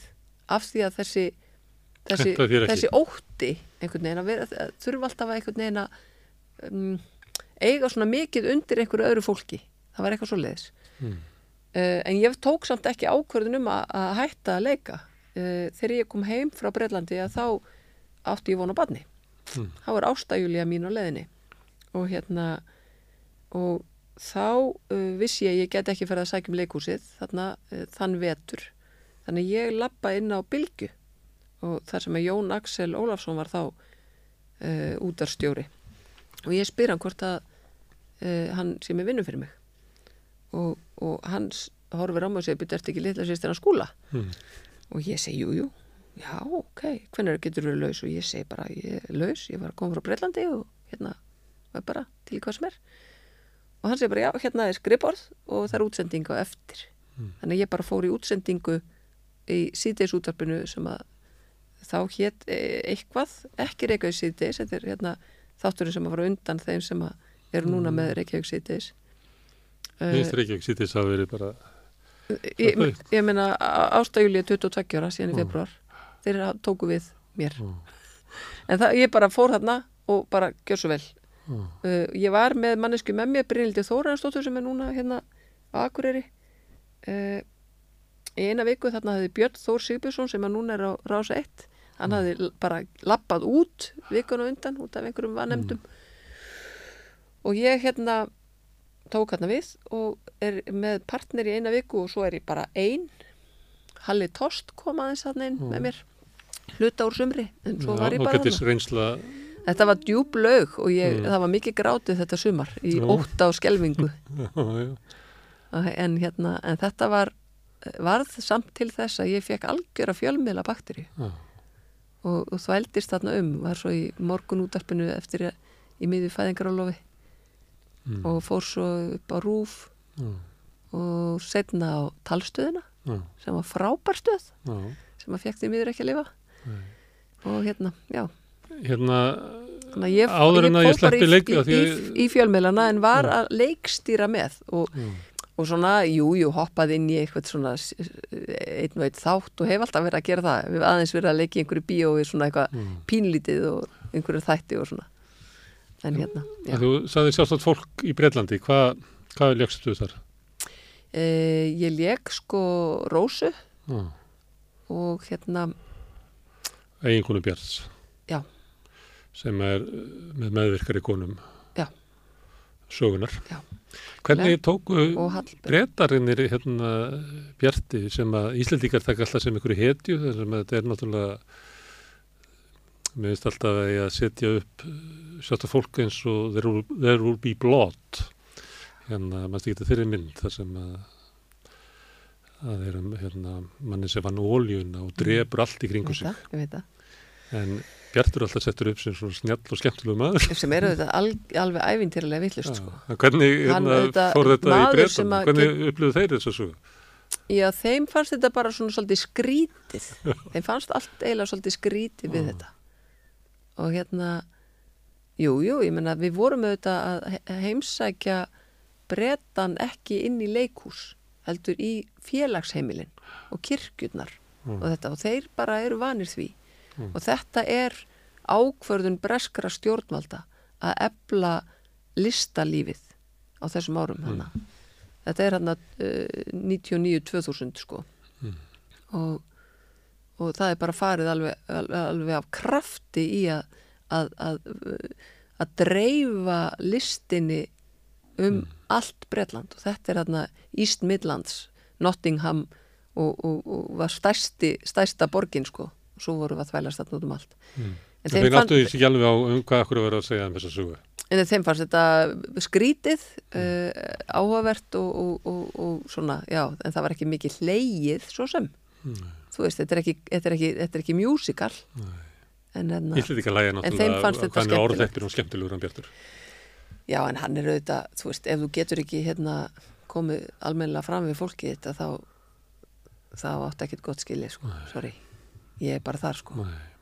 En dóttiðin, að þú kallar hana Ástu Júliu, það bara munar engu að sé Ásta Sólilja. Já, já, Það er ekki tengslar á millið? nei, nei, Nei, alls ekki. Herðu, þú ert þá komin í ég í út úr leiklistinni. Já, Þetta er náttúrulega, þú ert með alveg fáranlega kaplaskipt ég veit það. og yfir í blaðamennsku. Já, Og, það hvað, er og æðist. þú heillast af blaðamennskunni. Já, alveg Já. bara mjög og er, með, er, er alltaf með fjölmiðla Já, bakteríu sko. Þú ert ekki samfærað mig, ég var Ég ástakinn eins og hérna. fæði. Ég bara, og er bara ennþá þannig að ég tala við útvarpið mitt sko þegar hérna mér finnst að, að það verða að spyrja einhverja spurninga sko Já. og svona þegar ég hitti fjölmiðla fólk þá, þú veist æ, ma, þetta er bara einhver baktería, þú losnar ekkert við hana sko. Það sem ég fannst stórkostlegast var að hérna, ég að ég geti eiginlega spurt hvern sem er, um hvað sem er, hvenna sem er. Að að þetta er svo líkilega samfélaginu. Já, Að því að ég get bara sagt hérna, ég- Gunnar Smára Eilsson heiti ég og er blaðamarinn og, og þú veist, hitt fólk á sigurstundum og í e- erfileikum. Finnst þetta bara, bara trúði, ég bara ég aftar með allt í náðu hvað það var. Ég bara trúði ekki að ég fengi að hafa hennar líkil. en fólk er bara svo áhugavert, það er það bara Já. bara mannlífið og, og fólk og, og í, í, í öllum aðstæðum Já. það er, þetta er það er bara áhugavert og verst er eiginlega þegar að fjölmiðla fólk hefur ekki áhuga á viðfangsefni sínu. Nei. það er alveg sumir þannig að það er meira að hugsa um sig heldur en viðmælandan og það er alveg agalegt. Og þess vegna finnst manni svo hérna, f- einhvern veginn svona heitlandi þegar maður heyrir svo sér eða les uh, eitthvað frá fjölmiðlafólki sem að hérna, hefur raunverulega áhuga á viðmælandanum. Mm. Því það er auðvitað viðmælandin sem að og það er listin sko að, að, að laða fram svona Mm. það sem er. Og, og mér fannst sko mér fannst útvarpið skemmtilegast í miðlin Já. og finnst það. Hann er svo spontant og Já, hann er spontant og það er, það er að búa líka til sko svona uh, svona ósýnilega hluti sem að hafa samt svo mikið að segja. Og sem að eru sko þagnir og lauma inn tónbroti Mm. jafnvel í fjarska og að allt- leikus. þetta er leikur sko Mm. og þetta er náttúrulega rosa gott veganesti líka inn í pólitíkina Mm.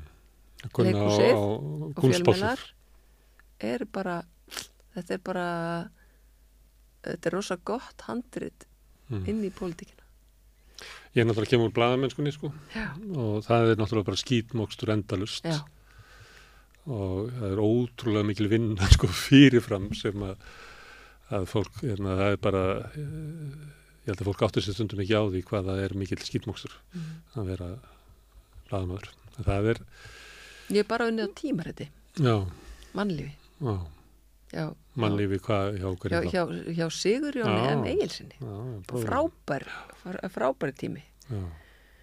Hmm, Nei, hann hefur talað um þessi blaðamann og það var bara, þetta var aðeinslu tími sko. það var svo gaman hjá okkur Já. En það er eitt í blæðamennskunni sem er náttúrulega þetta að hafa líkilinn og þú veist og að hafa uh, lifandi áhuga og forvitni fyrir fólki og samfélagi og allt þetta. En það er líka sjónarhótt og það er það sem að mér finnst að verið að breyta svona undarfarið. Mér finnst til dæmis, þegar maður að hlusta á fréttirnar að þá er alltaf verið að segja manni frá viðbragsaðlum eða það er alltaf eins og þessi verið að segja hérna okkur fréttinar úr einhverju stjórnstöð samfélagsins, alltaf verið að tala við þessar ráðherra, láta það að segja manni sko selvföluðuður sem að var verið að gera eitthvað og hérna bera manni fréttinar. Ég, mér finnst svona frá því að ég byrjaði í þessu og þessu blaðamennska sem er mér var kent, það sem var sko sjónarhóðni var bara niðri hjá almenningi og bara í augnaði við almenning þetta hafi svona færst yfir að vera að þú kannast við að vera að hæðast að ríkisútvarpinu með að kalla ríkistjónarútvarpið og allt þetta. já. Mér finnst þetta að vera mjög hröð þróun og skrítin. en er ekki meira e, þarf ekki hver og einn fjölmiðla maður, blaðamaður að framleiða miklu meira efni núna en var Veit ekki. sko, Kannski. ég meina fjölmiðla umhverfi hefur þetta breyst alveg gríðarlega þú veist þess vegna kannski líka er, er pappírsútgáfan sem, að, sem að, hérna, við söknum óurlega.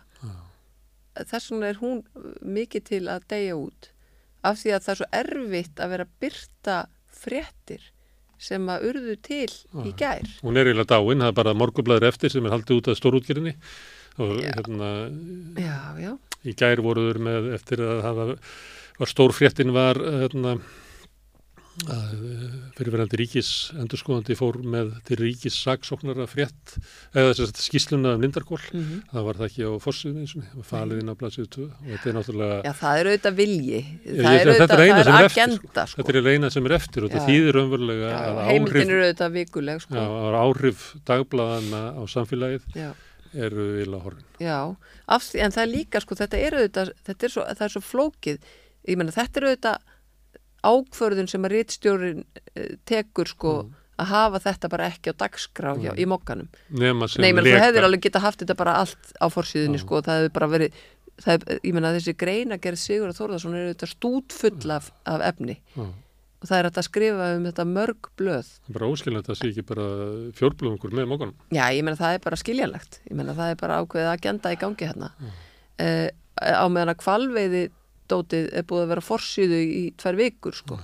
Og ég meina þetta er auðvitað bara pínu svona, þetta gengis fellir morgunblæði sem alvöru fréttamiðil, sko, til miður. Af Því að, að því að svo veit maður alveg að það er hann fylgta fólki sem er vel meinandi. Það bara fær ekki að ráða þarna. Uh, en þú veist, þess þá heldur þurfum við líka að, að kenna fólkinu okkar og krokkunum okkar að, að, að greina fjölmiðla. Það sem eftir er af þeim, sko, því að þeir eru að bara fjara út mjög hrætt Já, og svona það áhrifin sem að Ríkalegt, sko. blaðamaðurinn gatt haft með því að segja fréttir. Ég held að Mm. það sé liðið. Og Já. sumuleiti, já, ég held að svona blaðamenn þurfi að fara í gangi gegnum svona einhverja endur sko á sjálfsmynd sinni, svo skert er hlutverk okkar í dag. Ég segi stundum að það er búið að splæsa okkur aftur á 19. öld, þannig að við erum bara að skoða hvað voru menn að gera í blaðamenn sko þá. Og þá er það sumuleiti þannig að svona það sem að kemur með hérna, massamídíunni svona kannski frá 60 til 1990, 2000 Mhm. svona hrýnur hér alveg um hrunið þar sem að er, er svona rekstra grundvöldur undir fjölmjölum og það er ofan á því er eitthvað svona almanna þjónusta sem eru rýstjóðninar Mhm, að þetta er bara farið mhm, og þá er það hérna ákveðið svona líka frelsi í því að þú getur verið að fjalla um fátaku, kúuðu og eitthvað fleira og Mhm. staðið bara með þeim mhm. og sagt fréttina bara þaðan svona svipað og ég býst við að þú allir að fara að segja mér úr lögfræðina í rétt Ha, já, þú já. kannast við þetta, þetta Já, er svona nei, ákvörðum hvað þú stendur sko. algjörlega, Já. Í- á hvaða, á hvaða stóla ætlar að vera sko. já, já, Já. en það er, það er og þessi sko þessi svona fílgút hérna fjölmiðlun uh, er alveg ágætt. Ég meina sumir vilja bara vera þar. Sumir finnst ekki, ekki þægilegt. Og það eru ofsalega margir sem ég hitti sem eru bara hættir að hlusta á fréttinnar Nei. Þeir bara nenn ekki að hlusta á þetta af því þeim líður bara ekkert vel við að hlusta á allt sem aflaga fer í samfélaginu. Og maður svona, já og ekki Ok. ágreining. Nei, bara óþægilegt.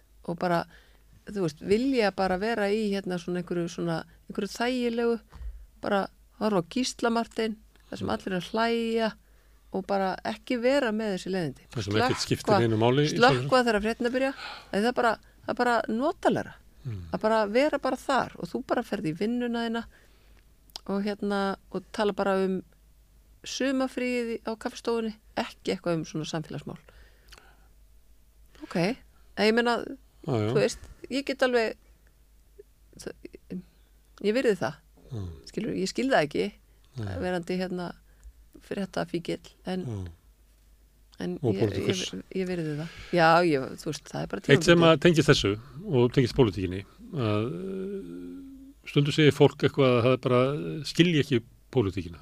Að hérna maður er að hlusta á þig í kastlusi er að rífast við eitthvað og svona.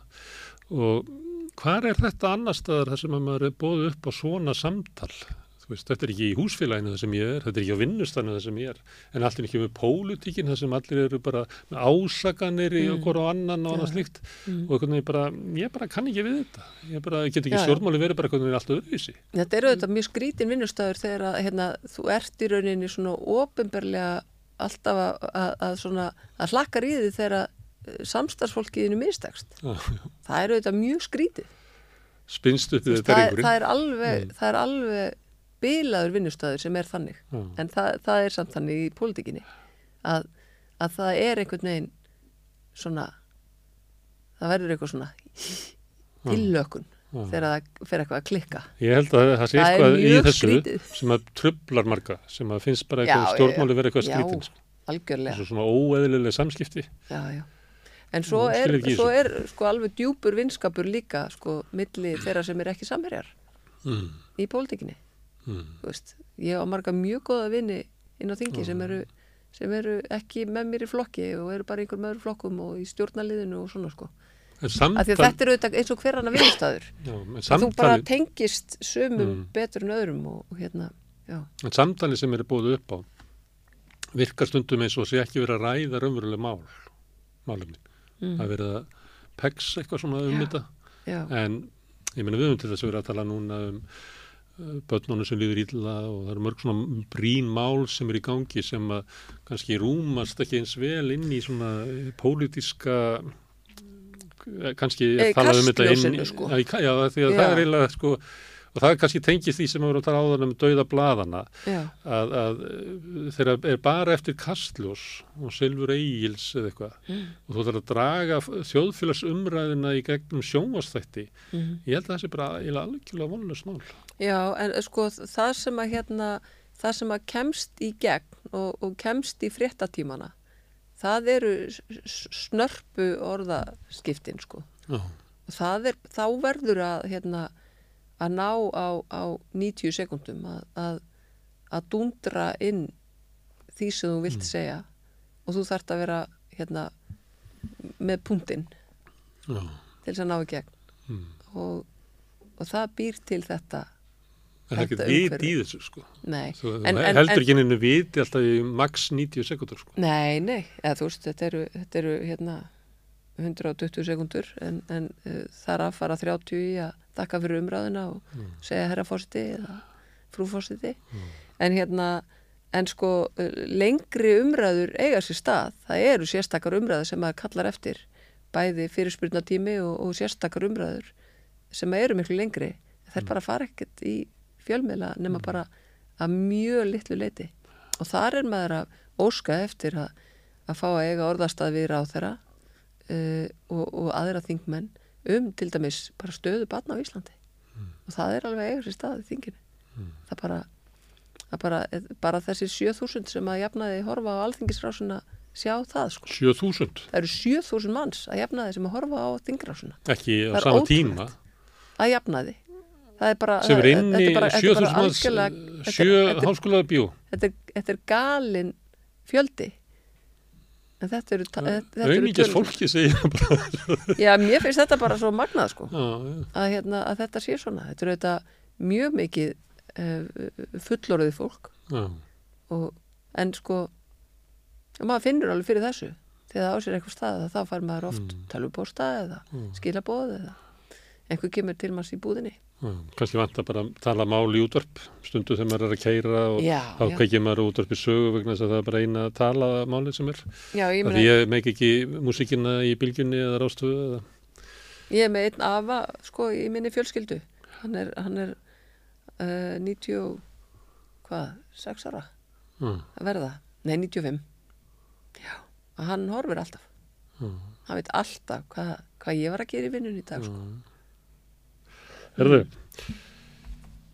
leikona og leikstjóri, bladakona, útaskona, svo er lagfræðingur. Já.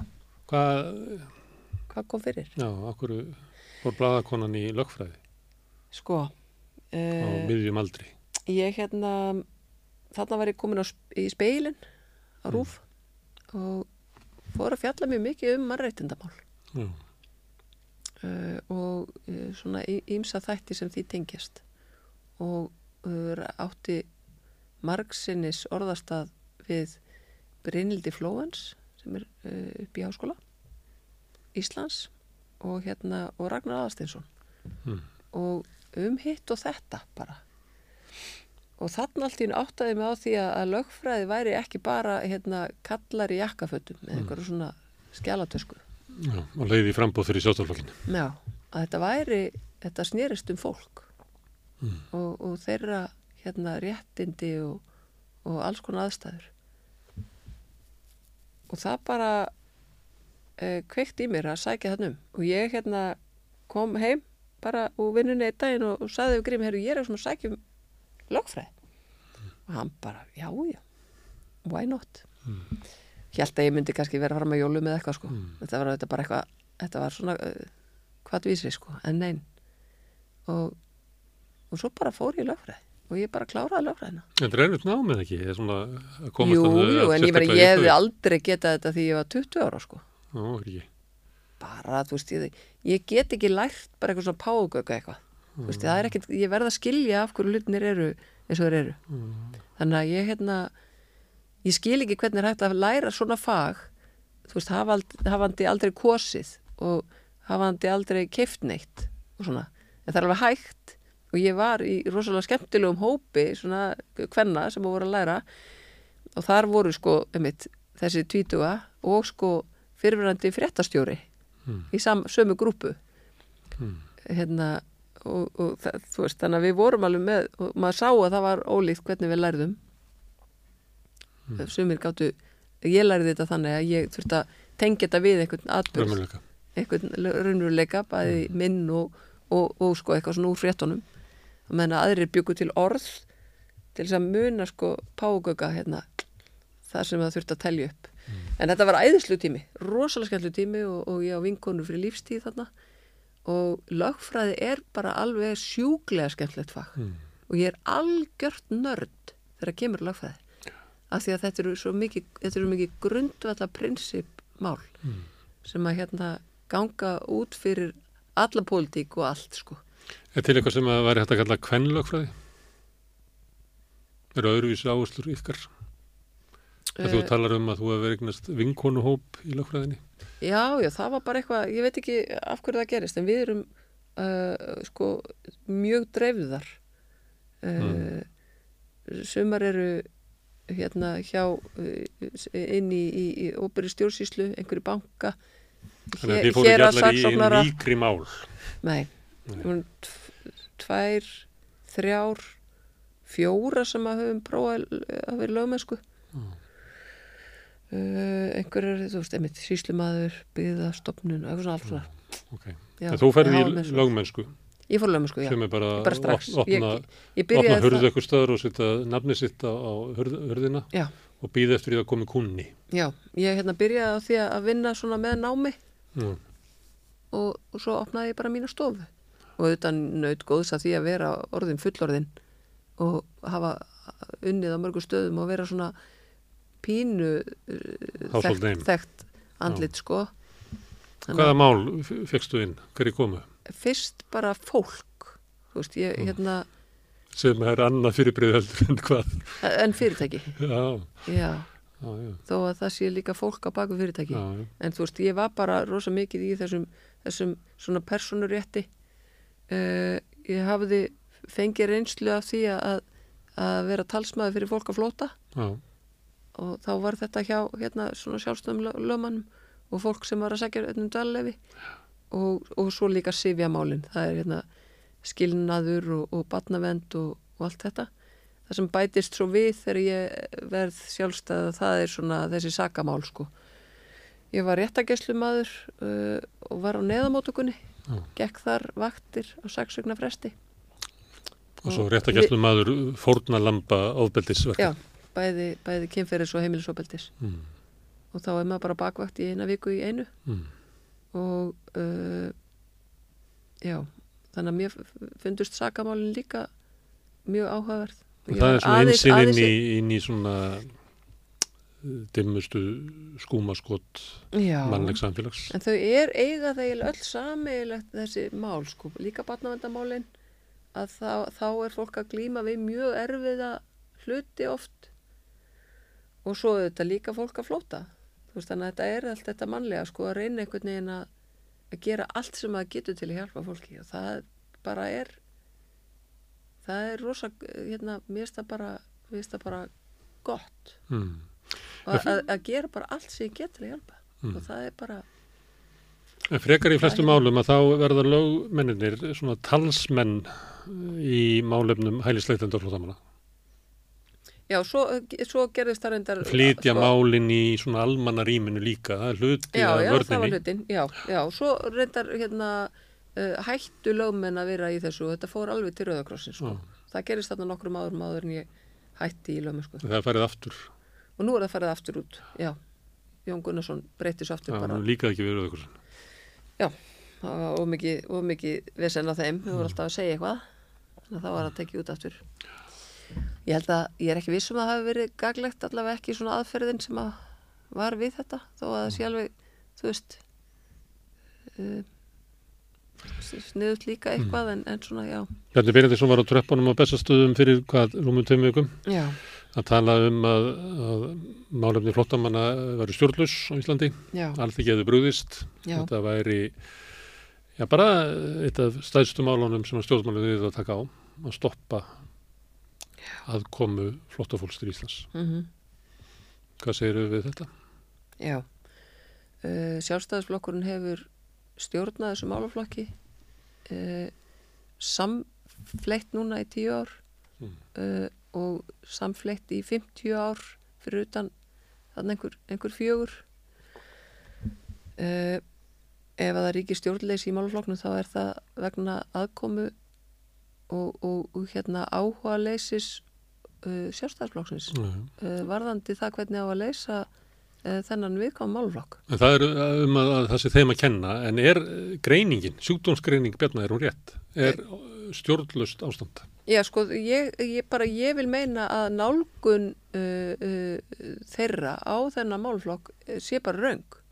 Uh, þú, þú stöðvar ekki uh, komu fólks að flótta hinga nema með því að loka landamarunum. Þannig að þessi spurning, hvað viljið þið taka á móti mörgum sem að sjálfstæðismenn spyrja aðra þingmenn Mm. og sérstaklega í stjórnarastöðunni endalust ég veit ekki hvað ég fengið þessu spurningu oft Mm. Hún, er- hún, er bara, hún, er bara svo, hún er bara svo kjánaleg við erum með við erum með opin landamæri Mm. og það kemur hinga fólk við erum aðilar að flóttamannasamningi samnöðu þjóðana sem gera það verkum að okkur ber skilda til þess að taka móti þessu fólki uh, meta aðstæður þeirra og veita þeim vernd eða ekki Mm. uh, stjórnleysið felst í því að vera búa, búið að búa til þannig kerfi að það er ofbóðslega svifaseint sem að er ofbáðslega dýrt fyrir okkur Mm. uh, af því að, að sko, við erum alltaf að búa til einhverja reglur sem í rauninni uh, vinna gegn okkur.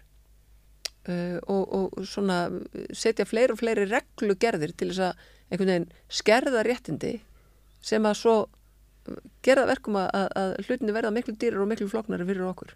Mm. og ég get bara nefnt mörg dæmi um þetta. Þegar ég byrjaði að vinna sem, sem nemi mastersnemi á, lögmástofu og svona aðeins framan af því þegar ég var að vinna í þessu sjálf að þá uh, var auðveldara fyrir fólk að fá svo kallu bráðabyrra atvinnulefi á meðan það var að býða eftir uh, svari uh, þegar að þú fjagst slíkt lefi og nú skulum við vera meðutuð um það að það er ekkert atvinnuleysi á Íslandi og okkur vanta fólk Mm. sérstaklega í vinnu sem að er þessi svona uh, íhlaupa vinna Mm. og hérna og, og fyrir þá sem eru ófaglærðir Mm. Vask upp á veitikastöðum og svo. já, og bara alls konar bara bílaþóttastöðvar og bara ferðarþjónustan og allt þetta sko. að hérna að, að áður var það þannig að það var bara það tók tvær vikur að afgreða slíkt leifi ef, ef þú varst að býða eftir afgreðslu á, á umsóknuðinum vernd þá gastu farið strax fengi pappir um að þú get, mætti sækjum vinnu og þú bara fóst og sóttur um vinnu og fegst bráðbærar atvinnuleifi á tveim vikum. Í dag er þetta nánast ekki hægt það er bara, þetta tekur sko sex mánuði og þá er náttúrulega vinnan sem að þér bauðst löngu farin annað. Það getur engin beðið í sex mánuði eftir því að það byrjist svar. Og er ástæðan þá Þegar að svo fólk- að útlendingastofnun vill ekki að fólkið fara að vinna og verði með tengsl í íslensku samfélagi. já, já, það er það væntanlega, þegar að fólk fór að vinna, þá dattast sjálfkrafa út úr uh, félagslega kerfinu, Mm. það færði ekki lengur framfærslu og þú þarft að redda þér húsnæði. Með því að gera þetta svona þá verðum við að viðhalda kostnaðinum sem við þurfum að hafa. Að því að allt þetta fólk vil ekkert frekar og ég bara segi allt þetta fólk Mm. vil ekkert frekar en að geta orðið virkir þjóðfélagsþegnar eða bara allavega að vinna fyrir sér í þessa 12 til 24 mánuði sem það er að hanga hérna og býða Mm. bara að, að sko það, það er svo óbærilegt að bæði vera með þessu óvissu hvað verður um mig og að þú eru einhvern veginn að vakna á hverjum degi og hafa ekkert þú veist, þú getur ekki ferið í strætu að því að þú, þú átt ekki fyrir því. Þú farið hérna eina strætóferð á viku eða eitthvað þetta er eitthvað svona algjört rugl sko. Þú hefur ekki efnaði að fara í strætó. Þú veist með 8 ás krónur í viku sem þetta framfleita er algjörlega. Mm. ég meina þú ætlar að taka strætó tvisar á dag þá kostar það bara 1200 kall. Þú er ekki efnaði bara þó þú myndir ekki nota neitt pening í mat. Þannig að, að reglugerðinar eru um það að, að eiginlega graf undan já, já, bara Stöðu alltaf þrengja þrengja í þrengja sko. svona hugmyndum að, að þá komi Já. færri.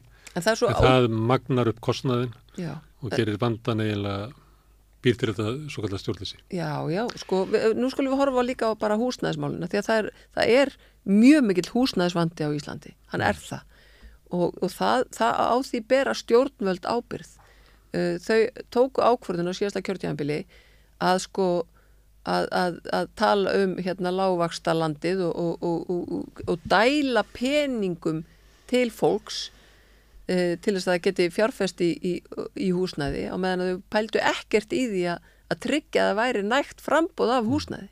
Þau bara glemdu þeim þætti sem að er einmitt sá þáttur sem að, sem að stjórnvöld verða að bera ábyrð á og tryggja fjölbreytt húsnæði, tryggja að það sé nóga félagslu húsnæði. Ég meina, þú veist, þetta er svo ævintýralega vittlaus aðferðafræði. Allavega, það er auðvitað húsnæðisvandi hérna. Uh, við fengum á síðasta ári 3500 uh, uh, flótamenn sem, að, sem að fengu hérna vend. Við fengum sko 17.000 uh, erlenda borgara sem fluttu til landsins til þess að vinna. Þú veist, það eru auðvitað hellingur af fólki. Og svo fjölgar, uh, fjölgar túristunum, við hvað fengu, við? 2 miljónir, 2,5 miljón túrista sem að þurfa líka að gista einhver staðar. Og það eru íbúðunar sem að íbúð 2, 3 og 4 hjá ríka fólkinu sem að fara í Airbnb mm. því það bara borga sig frekar en að leiða hana hins einn og, og þetta það bara sjálfstæðisflokkurinn tekur ákvörðun um að tala ekki um þetta. Og eitt viðbót sem ég ætla að fá að segja þarna líka er að það er líka tekin ákvörðun um það hjá sjálfstæðisflokknum núna að, að vika sko það, það var mesta útvikun á heimild erlendra borgara til að flytja til Íslands sem átti sér stað núna á vorþinginu en hefur sko átt sér stað síðan við fórum inn í EES og það var engin úr stjórnarliðinu sem áttaði sig á því. Ég var að ræða við eitt stjórnarþingmann núna í vikunni sem er sko sem að á að vera svona tiltölulega vel inn í þessum málum. Og ég bent honum á þetta. Mm. af því að hann er, hann er ofta að tala svona um að þetta sé stjórnlust ástand og allt þetta. Ég sagði áttaru þið á því að þinn flokkur var stóð fyrir því að útvíka útlendingalögin svo stórkostlega að þetta er sko mesta stækkun síðan að við hleyftum hérna fjórfrælsinu í gegn. Hann var ekki búin að átta sig á því. Í hverju er þetta? Það bara, það bara var, var sko rýmkað verulega fyrir mjög marga hópa. Uh, þetta er gert undir því yfirskinni að laða hér inn einhverja, einhverja sérfræðinga. En þau áttu þessu ekki á því að hvernig þau fóru að því að vika þetta með því að leifa uh, öllum námsmönnum í háskólum. Áður var það þannig að sko þeir sem eru, eru í grunnnámi þeir sem eru uh, í bíanáminu þeir gáttu ekki tekið með sér fjölskyldu sínar. Nú er búið að leifa það. Uh, þú þurftir að vera farin af landinu innan þryggja mánada eftir að þú kláraði grunnnám. Nú eru þetta einhver þrjú ár og það sama með En er sko þetta ekki jákvæmt? Ég hef talað við hérna, Nei, ég meina, ég er bara að tala um rúsneskar konur sem er í háskólanámi hérna og komast ekki heim og hafa framlengt bara að fara alltaf við nýtt og nýtt nám til þess að, að, að vera ekki bara sendar aftur til Rúslands. Nei, Nú það- er búið að ringu þetta og þær eru sloknar. Nei, ég meina, það, það, þú veist, auðvitað er þetta jákvætt Mm. en sko, Þeir þau áttuðu sig ekki á því hvað þau voru að gera Au- þú veist, við þurfum fólk við þurfum fólk til þess að halda upp í hérna heilbriðis og velferðarkerfi og íslensku samfélagi því við erum bara að fá Og fyrirtækjum að ferða þjónustunni fyrst og fremst, það er náttúrulega aukningin. Sko. Já, algjörlega, það, það, er það er meira svona skamtíma, það eru þetta EES-borgarnir sem, að- sem, að- sem að koma uh, Ég held að þessar í breytingar sem þú ert að vitni í. En ég bara, ég bara sömu- segja Já. að þú getur ekki verið Bjarni Bendisson og staðið á tröppunum á bestastöðum á sama tíma og sko bara og, og, og öskra á hérna fólk á flótta á sama tíma og þú ert í rauninni að dæla fólki hérna inn sem að er að reyna á allt þetta kerfi. Mm. Þú veist, þetta er ekki þessum 3500 að kenna á meðan þú ert með 17.000 nýja Íslandingar sem að þurfa líka húsnaði og 2,5 miljón ferðamenn sem þurfa líka einhverstaðar að gista og það er ekki bara hótelum sko þessar þetta er bara ringun. óeðlilegt og ósangjörn umræða og þau vita betur já. en þau, þetta eru populismi Já, hluti af þessari rýmkun er að krafa frá SA og félögum. Að, að vegna þess að það er bara staðnið þannig að sko EES annar ekki lengur þörf hérna, ferðarþjónustunar fyrir vexti. Þannig að þau verða að fá fólk eða fyrir utan EES til þess að manna þetta. Þess að, að ferðarþjónustunar er byggð á því að flytja inn fólk sem að sætti sig við sko lægsturlaun og tæplega það Mhm. þannig að, að sumuleiti þá er sjálfstaflokkurinn að svara því með því að auka það Ég dundaði mig við að reikna þetta sem þú varst að segja áðan þetta er sko, óheiðarlegt að- mjög óæðilegt. að tala svona ég held að ef maður tæki sko eins og þau séu að vísa til þeirra sem eru þá ekki frá Úkrænu og ekki frá Venezuela, Mm. aukninga á fólki sem að sækir, sækir um, um hæli hér Mhm. á, á þeim, sleppa því að tala um, um erlenda vinnuafli sem kemur til þess að, að sinna ferðarþjónustunni, sleppa því að tala um aukninguna út af erlendum ferðamönnum Mhm. og mér mata þannig að það sem að þau eru að benda á og segja sig ástæðan fyrir því að grunnkerfin okkar sé að hrinja sé 1,3% af vandanum. Mhm. það er bara þannig já. og þau, Þetta- þau vita betur eða sum þeirra vita betur önnur eru náttúrulega bara að- að endurtaka möndruna Hmm. En mörg þeirra vita betur Já. þau vita þetta Okkur. En þau bara velja að gera þetta svona af því að populistar um allan heim þeir ná alltaf í einhver svona 10%.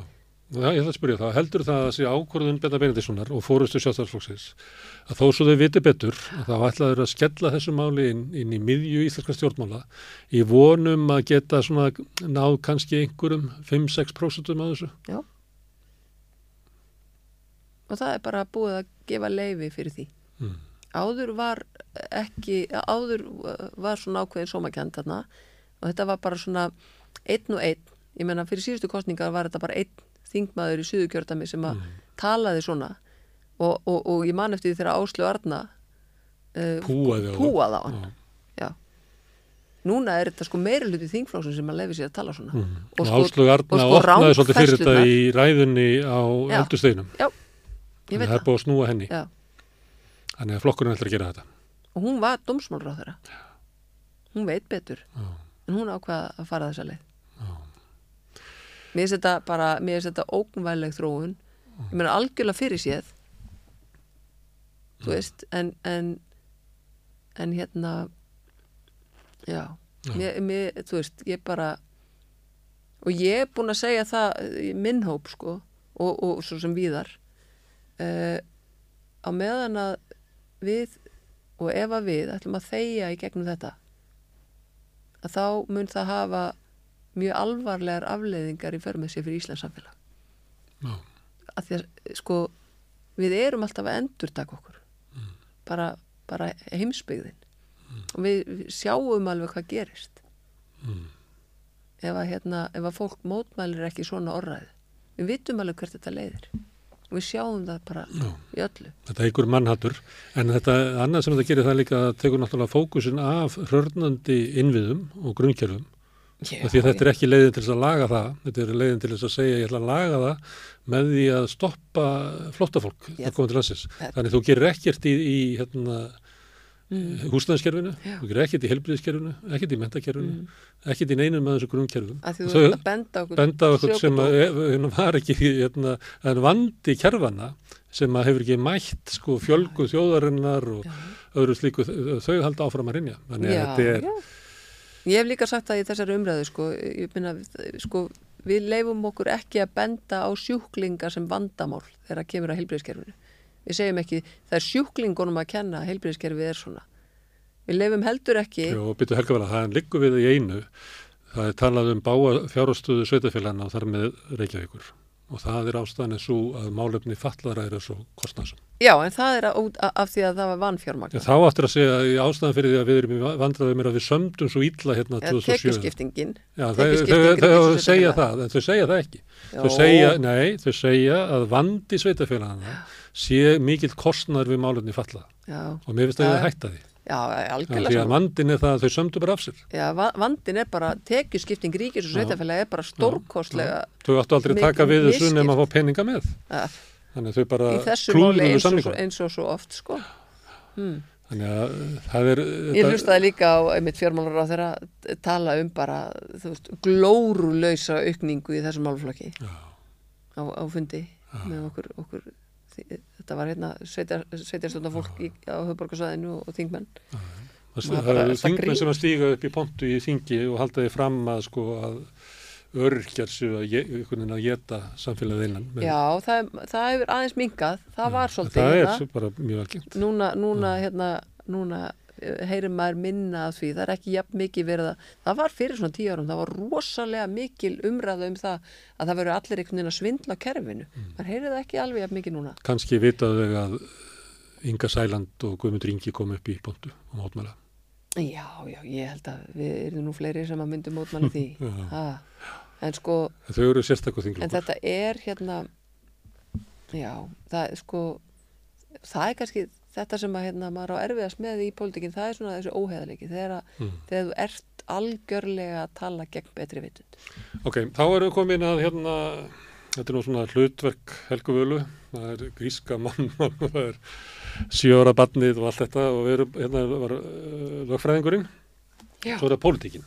já, Og þú búin að segja okkur það að það sem var svolítið svona áfall eins fagur heimur og leiklistin getur verið að þá er það eitthvað svona, um, já svona grimd og svona samkeppni og fólk svolítið að klifra upp á bakið á hvort og öðru ekki góður heimur. Jú, jú, Blaðamennskan, þú verður ekki talað um það þessi þannig og ekki lögumæg. Svo kemur inn í, í, í stjórnmálinn og þá hittur þú aftur svona heim. já, já, og það var, þú veist, það var auðvitað líka mikil kvadvísi að fara þangað. Í pólitíkinni? Hún hérna eldir mig alltaf, þessi, þessi kvadvísi. Já, Uh, og það, að því ég var auðvitað bara í fullur rekstri með eh, hérna lögmanstofu bara í mjög miklum blóma, sko. mm, Uh, ég var beðin um að, að gefa kosta mér uh, 2016 og hérna og ég sagði bara gælætan mm, Uh, Það var náttúrulega horror kostningar fyrir samfélkinguna, 5,7%. Já, var, já, já, þetta var bara hræðilegt sko og hérna en ég, þú veist, vissi það ekki þá auðvitað Nei. að það er, yrði með þessum hætti e, því ég var beðin um að, að fara þá fram Mm. e, en hérna en svo aftur árið setna þá, þá í byrjun september þá bara springur allt inn í ríkistjórn og, og þá er aftur aftur aðbætu mig. Og ég spur hvort að ég væri til. Þá voru engir þingmenn í Reykjavík. Þeir bæði Össur og Sigga höfðu dottið út sko. Í, þarna, í þessu hruni samfélkingarnar Og samfélkingi með þingmann í norð-austurkjördami, norð-vesturkjördami og já, sem er eiginlega hrægilegt. Engi, ekkert á höfborgsvæðinu sem er bara mjög ólíkt ólíkt uh, samfélkingunni sem er svona borgarlegu flokkur sko. en það var, það var raunin og hérna, og ég er mitt bara uh, Grímur var einhvers þar Ástralíu eða eitthvað. Og ég ringi bara í hann og segi, heyrðu, það er hérna aftur verið að hamast í mér. Hvað er að gera? Það sem að hafi gerst í millitíðinni var kannski svona ákveðin hreinsun, skulum við segja. Uh, og svo hérna fannst mér þessi formaður sem þá var eitthvað, hann var svo óhefbundin það var eitthvað svona skemmtilegt við hann sko. Hann veit að hérna eld heitur uh, svona uh, baráttumadur í, í mannréttundum fannst mér þá. Mm. og, og það, ég kunni vel við það. Og svo auðvitað hérna, þessi mál sem að uh, mér finna að skipta máli stjórnarskráin og ESB og allt þetta sko. ég menna stefnumálin alltaf klárlega Þú ert að telja upp mál sem að núverandi formaður hefur eiginlega ítt í baksetið. Já, já, ég er ekkert að tala um hann reyndar. En, en þetta voru þessi mál sem að hérna, ja, það, nei, svona, ég, var, ég er kannski meira að tala um bara svona elementið í honum, sko, ég þekkt hann ekki neitt Ég er bara að minna hlustatur á það uh, málin sem að þú hérna, taldir að þáverandi formaður væri að sitta á Fristuðu já, þín, eru raunverulega mál, sömu mál og núverandi formaður hefur sagt að Já, þetta já. ekki leggja áslá.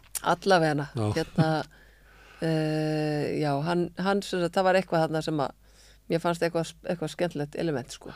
Svona listrætt, Mm. hugsar út fyrir bóksið og eitthvað svona, það var eitthvað þetta sem ég svona hugsaði, hm, kannski.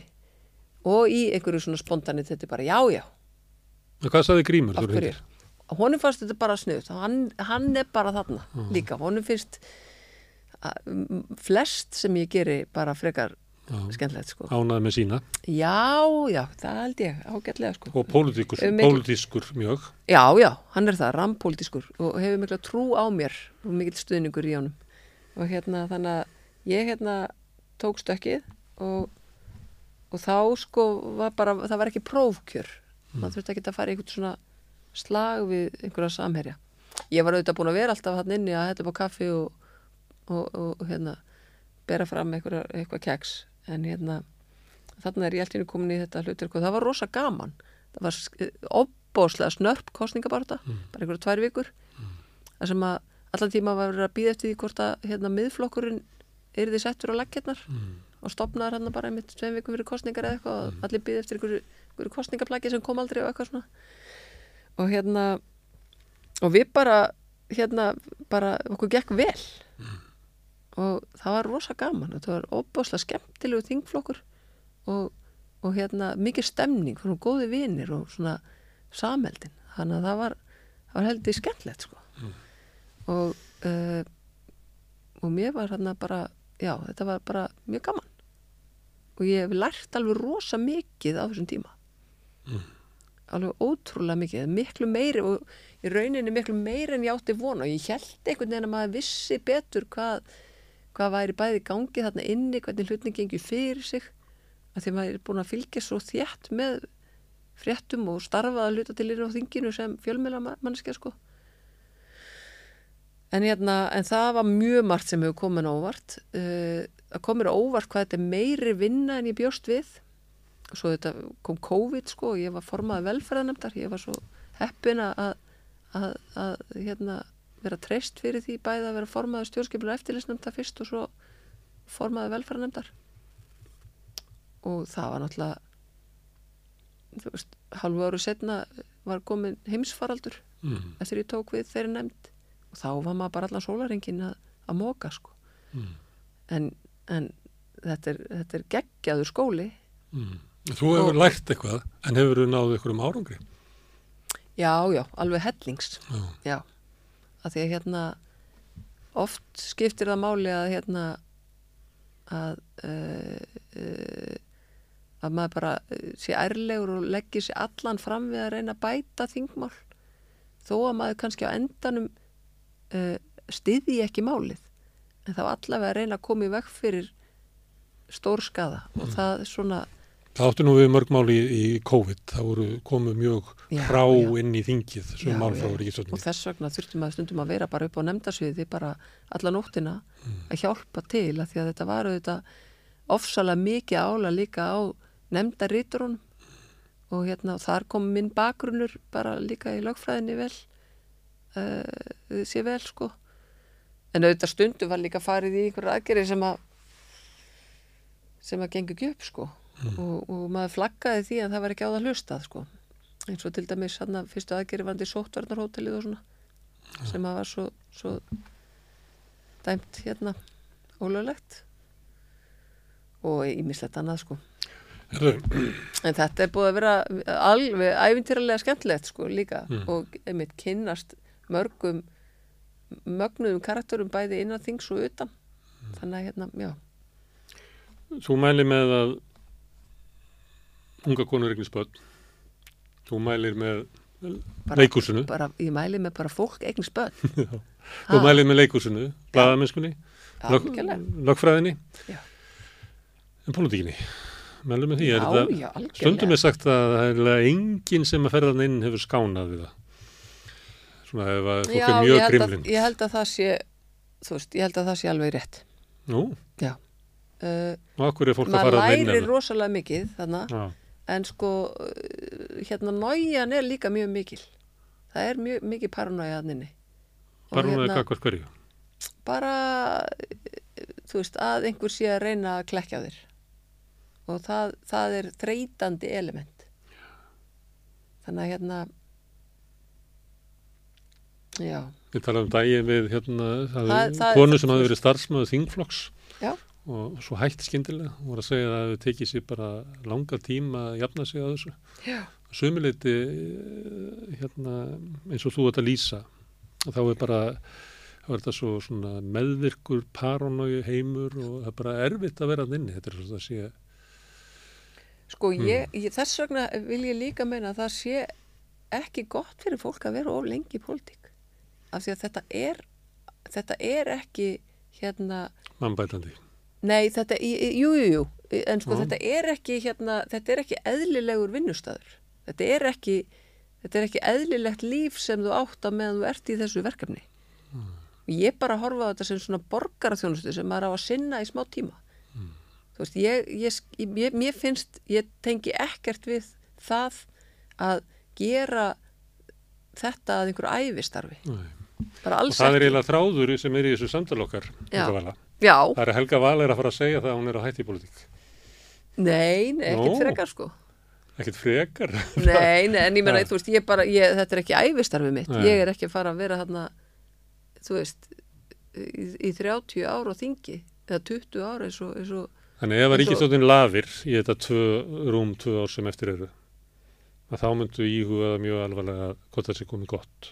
já, já, sjálfsögðu, Að frá að vera þingmaður frá hvað 2017 2017. til já, 2025, Já, það eru átta já. ár. Já, algjörlega. Það Það sjálfsögðu. Það er ekki sjálfsagt að hanga þann inni, sko. Þannig að þú er ekki metnað, þú bauðstu fram sem varaformaður, þú er ekki metnað að stýra nei, verða fórsetisráðara, nei, ég sko, þú veist, ráðherabíl, í mínum NATO-fundi. þetta snýst ekki, þetta snýst ekki um einhver, það er kannski, þennan hatt, sko.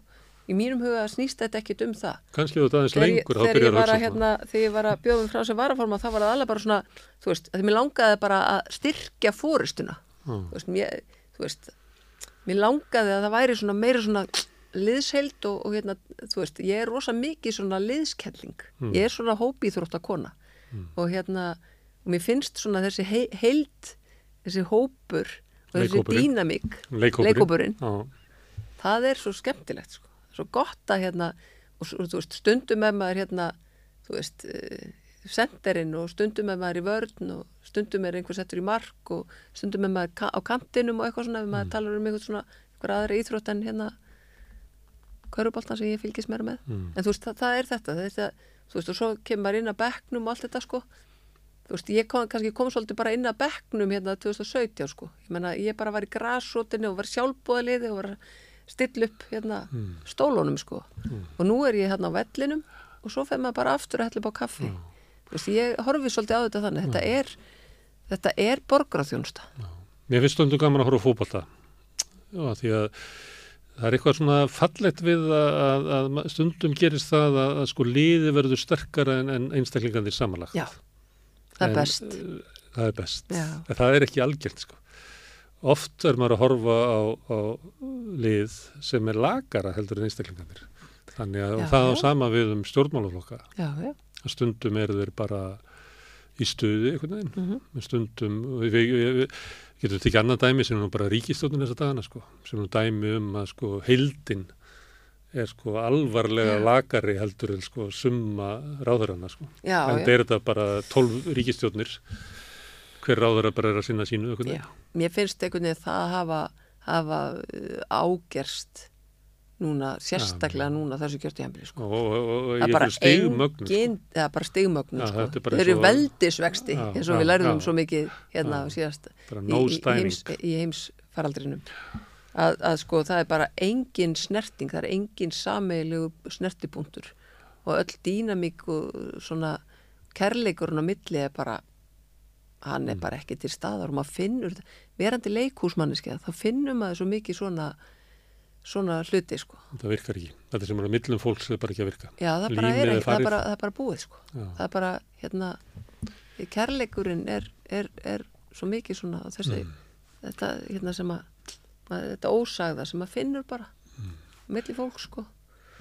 en Helga Vala, hvað sem var stjórnmálamæður Helga Vala, þú tekur svona dæmi um, um uh, mannréttindi og annað slíkt þú veist að ég er svona sósialisti ég horfi á heiminn út frá stjættabarótu og ég talaði við til dæmis gamla krata úr alþjóðflóknum en þeir þurfa að vera svolítið gamlir til þess að þeir nái aftur þar sem að voru sko ræturinn í verkalýsbarátu já, já. Það er nú verið að sveiflast mikið þangað núna aftur þannig að það er það er að leita, þetta, að leita rótu sínum snýst um það. Já. Já, og að sömuleiti, teng, tengja sig hérna verkalýsbarátunni. já, já, og sömuleiti varð sko sósættarflokkurinn til út af því að vinstri flokkarnir voru bara ekki þar. Mm Uh, ertu, myndur þú kalla þig sósælista?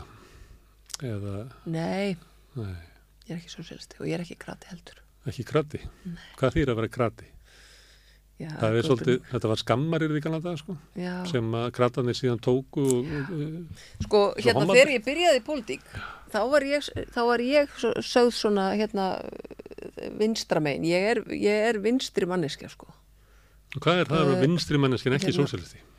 Er það svona amirist um að hérna, Nei, standa með réttindabaróttu, þá er ég að tala um að standa með réttindabaróttu, sko, samkynniðra og, og Já, ég held að það sé nú hægri vinstri sko, en, en hérna uh, það er bara, þú veist, ég er bara jafnaðmannskja.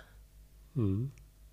Ekki, jafnaðamennska er þýðing eiginlega á só- sósíalisma Já, en og sósialistar, félagsíkinn er það líka. sól, já, já. það er svo mikið er- fólki hérna á Íslandi sem að er að eiginlega segja sósíalismi, Já. en nota bara eiginlega öll orð, ön, ön, Já, orð, önnur en það er kannski bara líka því að það hefur brunnið svolítið á, á að sósialistinir hafa verið svolítið mikið svona að tala um hérna um, einhvern veginn svona eh, auðræði og, og hérna Já. Og hérna uh, mörgul, margir sko, sér anstæðingur almennings.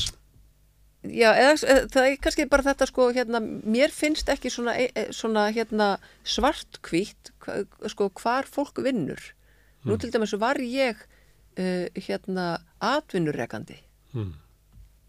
skiluru og ég lít ekki svo á að ég hef verið þá uh, eina vondumununum ég var bara með fólki vinnu að henni settist inn á Það því er annað að vera með fólki vinnu heldur að vera Æskilur. auðvald, sko. Já, ég Þú- veit það, þú- en ég var samt auðvaldið, ég var hérna elítan og auðvaldið að því ég var Þú lögmar, æ, þú ert skilur kultúrbarn. Já, ég veit ekki hvort þú það að ég þú- auðvitað kúltúrbatt Já, þó þú þú að við höfum ekki átt Svo pening í þetta eiga strætó svolítið mikið pening til að vera auðvald, sko. Já, já, Þá er það þú auðin vinna fyrir þig. en, sko að ég þú að- sumum finnst líka bara þeir sem hafa menta sig að þeir, þeir séu einhvern veginn bara Það er ekki sósíalismi. Sósíalismi lítur á auðvaldið, áhrif auðvaldsins á samfélagið já, vera hættulegt. já, já, ég, ég skil það mjög vel.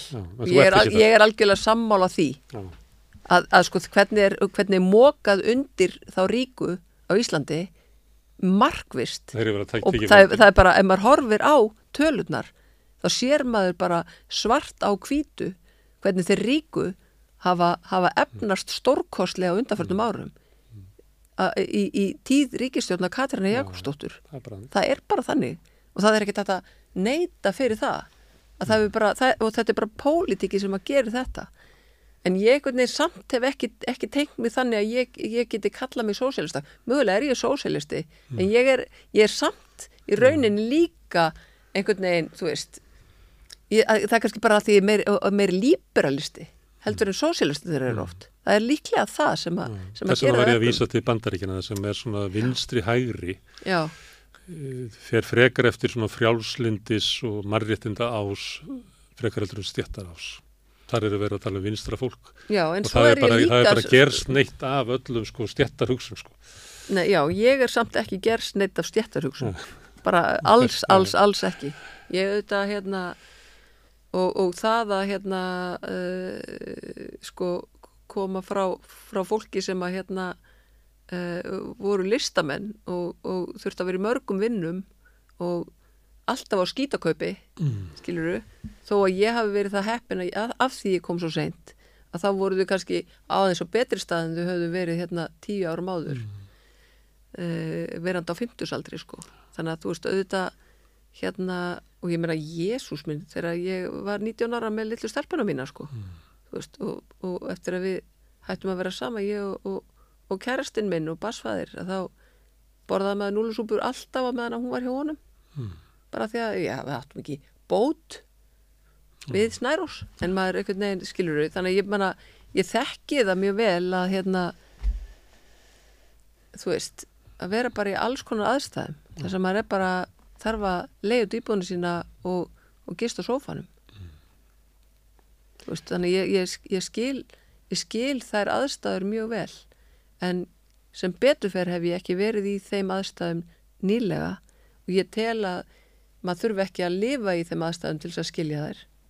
En ég held líka að samsetning ríkistjórna að það sé vond fyrir samsetningu eða fyrir, fyrir þjóðina ef að samsetning ríkistjórna er of mikið af fólki sem að tengist ekkert þessu sem að, sem að þekkir ekki þessa veröld til þess að geta átt þetta samtali kringu ríkistjórnaborðið að það, ef að það eru of margir uh, meðlimi ríkistjórna sem að, sem að hafa aldrei þurft að hafa áhyggjur af reikningum um mánaðamót að þá eigi þau erfiðara með að átta sig á fjölbreytninni í samfélaginu og þeim verkefnum sem að raunverulega á að vera að leysa sem að er að auka jöfnuði í samfélaginu og tryggja að, að fólk eigi til nýfs og skeiðar og tryggja fólk eigi húsaskjól. Af því að hvað er það sem að býr til meiri ójöfnuð það er að börn alist upp við uh, fátækt uh, og, og, og, og, og það býr til svo óteljandi önnur verkefni í samfélaginu sem að, sem að eru bæði hérna uh, sko bara vond þau hérna búa til þau auka auka ójöfnuðin uh, af því að þau leiða til heilsuleysis og svo framvegis og svo framvegis skilur þannig að ég meina þetta er bara þetta er bara frum verkefnið okkar og það, það er þess að segja ég er, ég er jafnaðamaður af því að þarna liggur kjarnin það verður að tryggja jöfnuðin og, og þá þýðir ekkert að standa hérna á, á orginu í pontu verandi fjármálar á þeirra og segja bara að það hefur aldrei verið meiri jöfnuður en, en er á Íslandi. Af því að það verður að horfa á bæði tekjur og eignir. Og meðaltali, það lifir enginn á meðaltalinu. Fyrir ekki, ég er bara hérna orðin svolítið ekst nei, nei, hérna- þú veist. En þú veist, það, Ég ætla, að uh, tala um pólitík Já. svona í lokin. Nú er ríkistjóninni svona lifandi döið Já. og samfélgíkin, flokkurinn Mhm. fyrir með heimiskutum í, í að eitthvað sem bendir til þess að hann sé svona eins og hann sé í topp sko, hann er, hann ekki búin að hækka, hann búin að hækka þið bara alveg hverju einustu Já, uh, bara, síðan, fyrir árið síðan. Mm. En núna í, frá mæ og júni þá er hann bara í 28,4 eitthvað svona cirka. Uh, hvað hérna, og svo á sama tíma þá finnst manni eins og svona, ma- maður sakna svolítið að, að, samfélgi ekki sé þáttakætt í umræðu og svona, ég meina, hvað eru þau uppið í, svona alls konar dægumálum eins og hérna eins og kvalamálinu eða alls konar svona málum. Þannig að maður veldi fyrir byrju, er takt ekki það að þau ætla að halda niður í sér andanum í 2,5 ár í vonum að engi segi neitt sem að fælir þetta fylgi í burtu. Er það taktikinn? Hvernig ætlar samfélgingin að bera, er þetta bera þetta vaskafatt fullt af vatni í 2,5 ár? Nei, það er engin slík taktik. Ég var ekki hérna Þórun Sveinbjörndóttir í Kastljósi hérna bara kvöldið sem að hérna þetta kvalamál dúkað Já. upp og ég hef verið alveg ófeimin við að tjá mig um þetta og Já. Odni Haraldóttir sem að sittur í, í, í, í hérna En það er ekki óttið að maður missa fylgið. Nei, ja, það er allavega ekki það sem er rætt í, þú veist, í kringum borðið Mm. sko. En á hverju Eh. kemur þetta fylgið til samfélgingunar? Uh, það er bara, það er margar ástæður sko. Uh, auðvitað nýri leittói hefur mjög Mm. mikið að segja, alveg klárlega. Og nýr og það er eitthvað þar sem að hérna, fólk er að fíla mjög vel uh, uh, hennar, hennar framganga og, og slíkt og, og svo auðvitað er ekki hægt að horfa fram hjá því að, hérna, að það eru flokkar ríkisjóð sem fengu fylgi langt umfram það sem eðlilegt var Mm.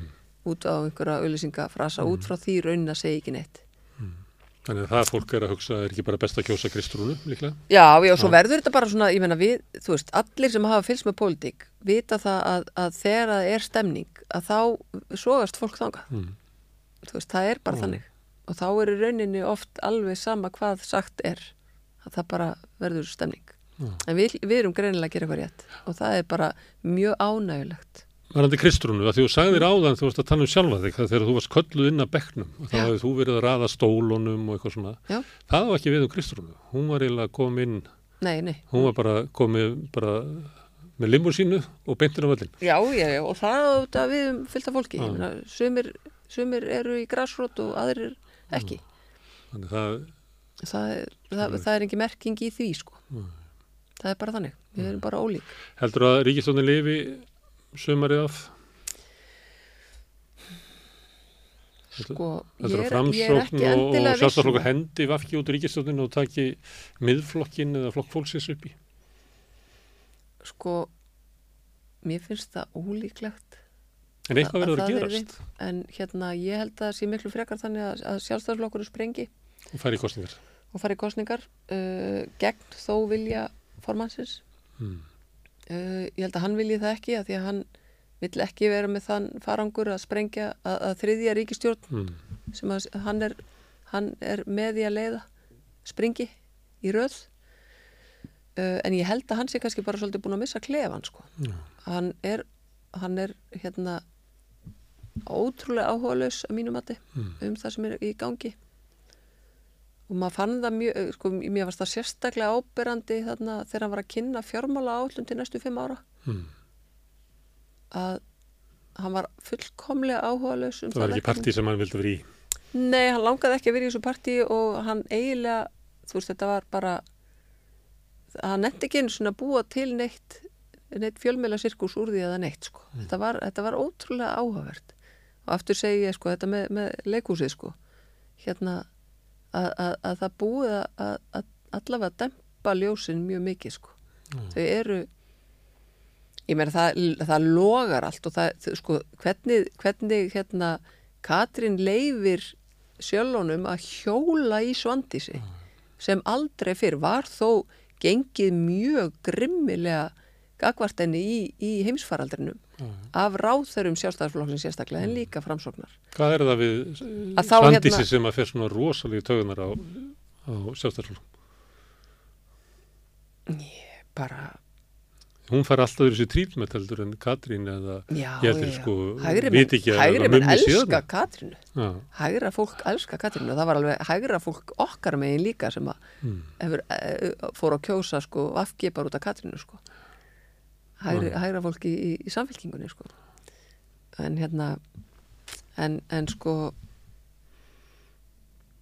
þú veist, maður svona velti fyrir sér sko, ég, ég held að það sé engin nema mögulega formaðurinn og varaformaðurinn sem að, sem að ekki vill slíta þessu stjórnsamstarfið, Í já.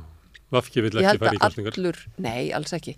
Ég held að framsókn vilja ekki heldur. Nei. Þau eru ósynleg, búin að vera það svolítið lengi og ég held að, að reyndir að þessi taktik hjá hérna, félags- og barnamálar á þeirra að vera ósynleg núna því að hann ætlar að vera næst í formaður. Já, Að þá ætlar hann að hafa hægt um sig að meðan að þessi ríkistjótt sigur og ringa siglir í strand sko. Nei. Ég held að hann sé búin að sjá þetta fyrir með, mm. með vinum sínum fyrir löngu sko. Þannig að líklegast er að þú ert að fara í kostningabartu í vor, nei, í haust, Já, ég, það, það getur verið, ef þú verður með. ef við verðum með. Þannig að þú ákveður þetta svona stykki fyrir stykki. Já, ég- maður á ekkert að vera Ekkert eitthvað. sjálfsagt. maður á ekkert að vera hérna að hugsa ólangt fram í tíman eða jú, jú, það er alveg gott að hérna, vera með eitthvað, eitthvað plan fram í tíman Já. kannski, þroskast ég upp í það einhver tíman Mm. en hérna, En svo vitum við með að við þína en sögu. ég, það er rosa gott að vera líka bara, bara í sér einhvern veginn og lífið er náttúrulega bara hlaðborð Mm. smári, Já, það er bara og það er bara svo maður á ekki að borða, maður á ekki að borða alltaf sama réttin sko. Við þekkjum það fyrir sögu að það gæti verið hann á leiðinu út á eftir að þá eittur ykkur sem að stingur ykkur aður og þú hringir í grím og spyrir hvort þú er ekki að skipta. Nákvæmlega. og hann segir endilega. Ásti mín, gerðu það, þetta er frábær hugmynd. Er þetta ekki bara gaman, gerum þetta, ég er til. Ég veit ekki hversu oft hann hefur ekki sagt nákvæmlega þetta. Já, bara, já, ég, ég er til. Þannig að hérna, það geti gerst það veit aldrei. maður veit aldrei Nei, herðu, það eru lokaorðin hjá okkur. Gerða Maður þakki fyrir að aldrei. koma hérna að rauðaborðinu á njóðarsmándi Takk. og hlustendu þakka ég fyrir að staldra hérna við og rauðaborðu verður næst á mánudaginn klukkan átta. Þannig að ég segi bara góða helgi.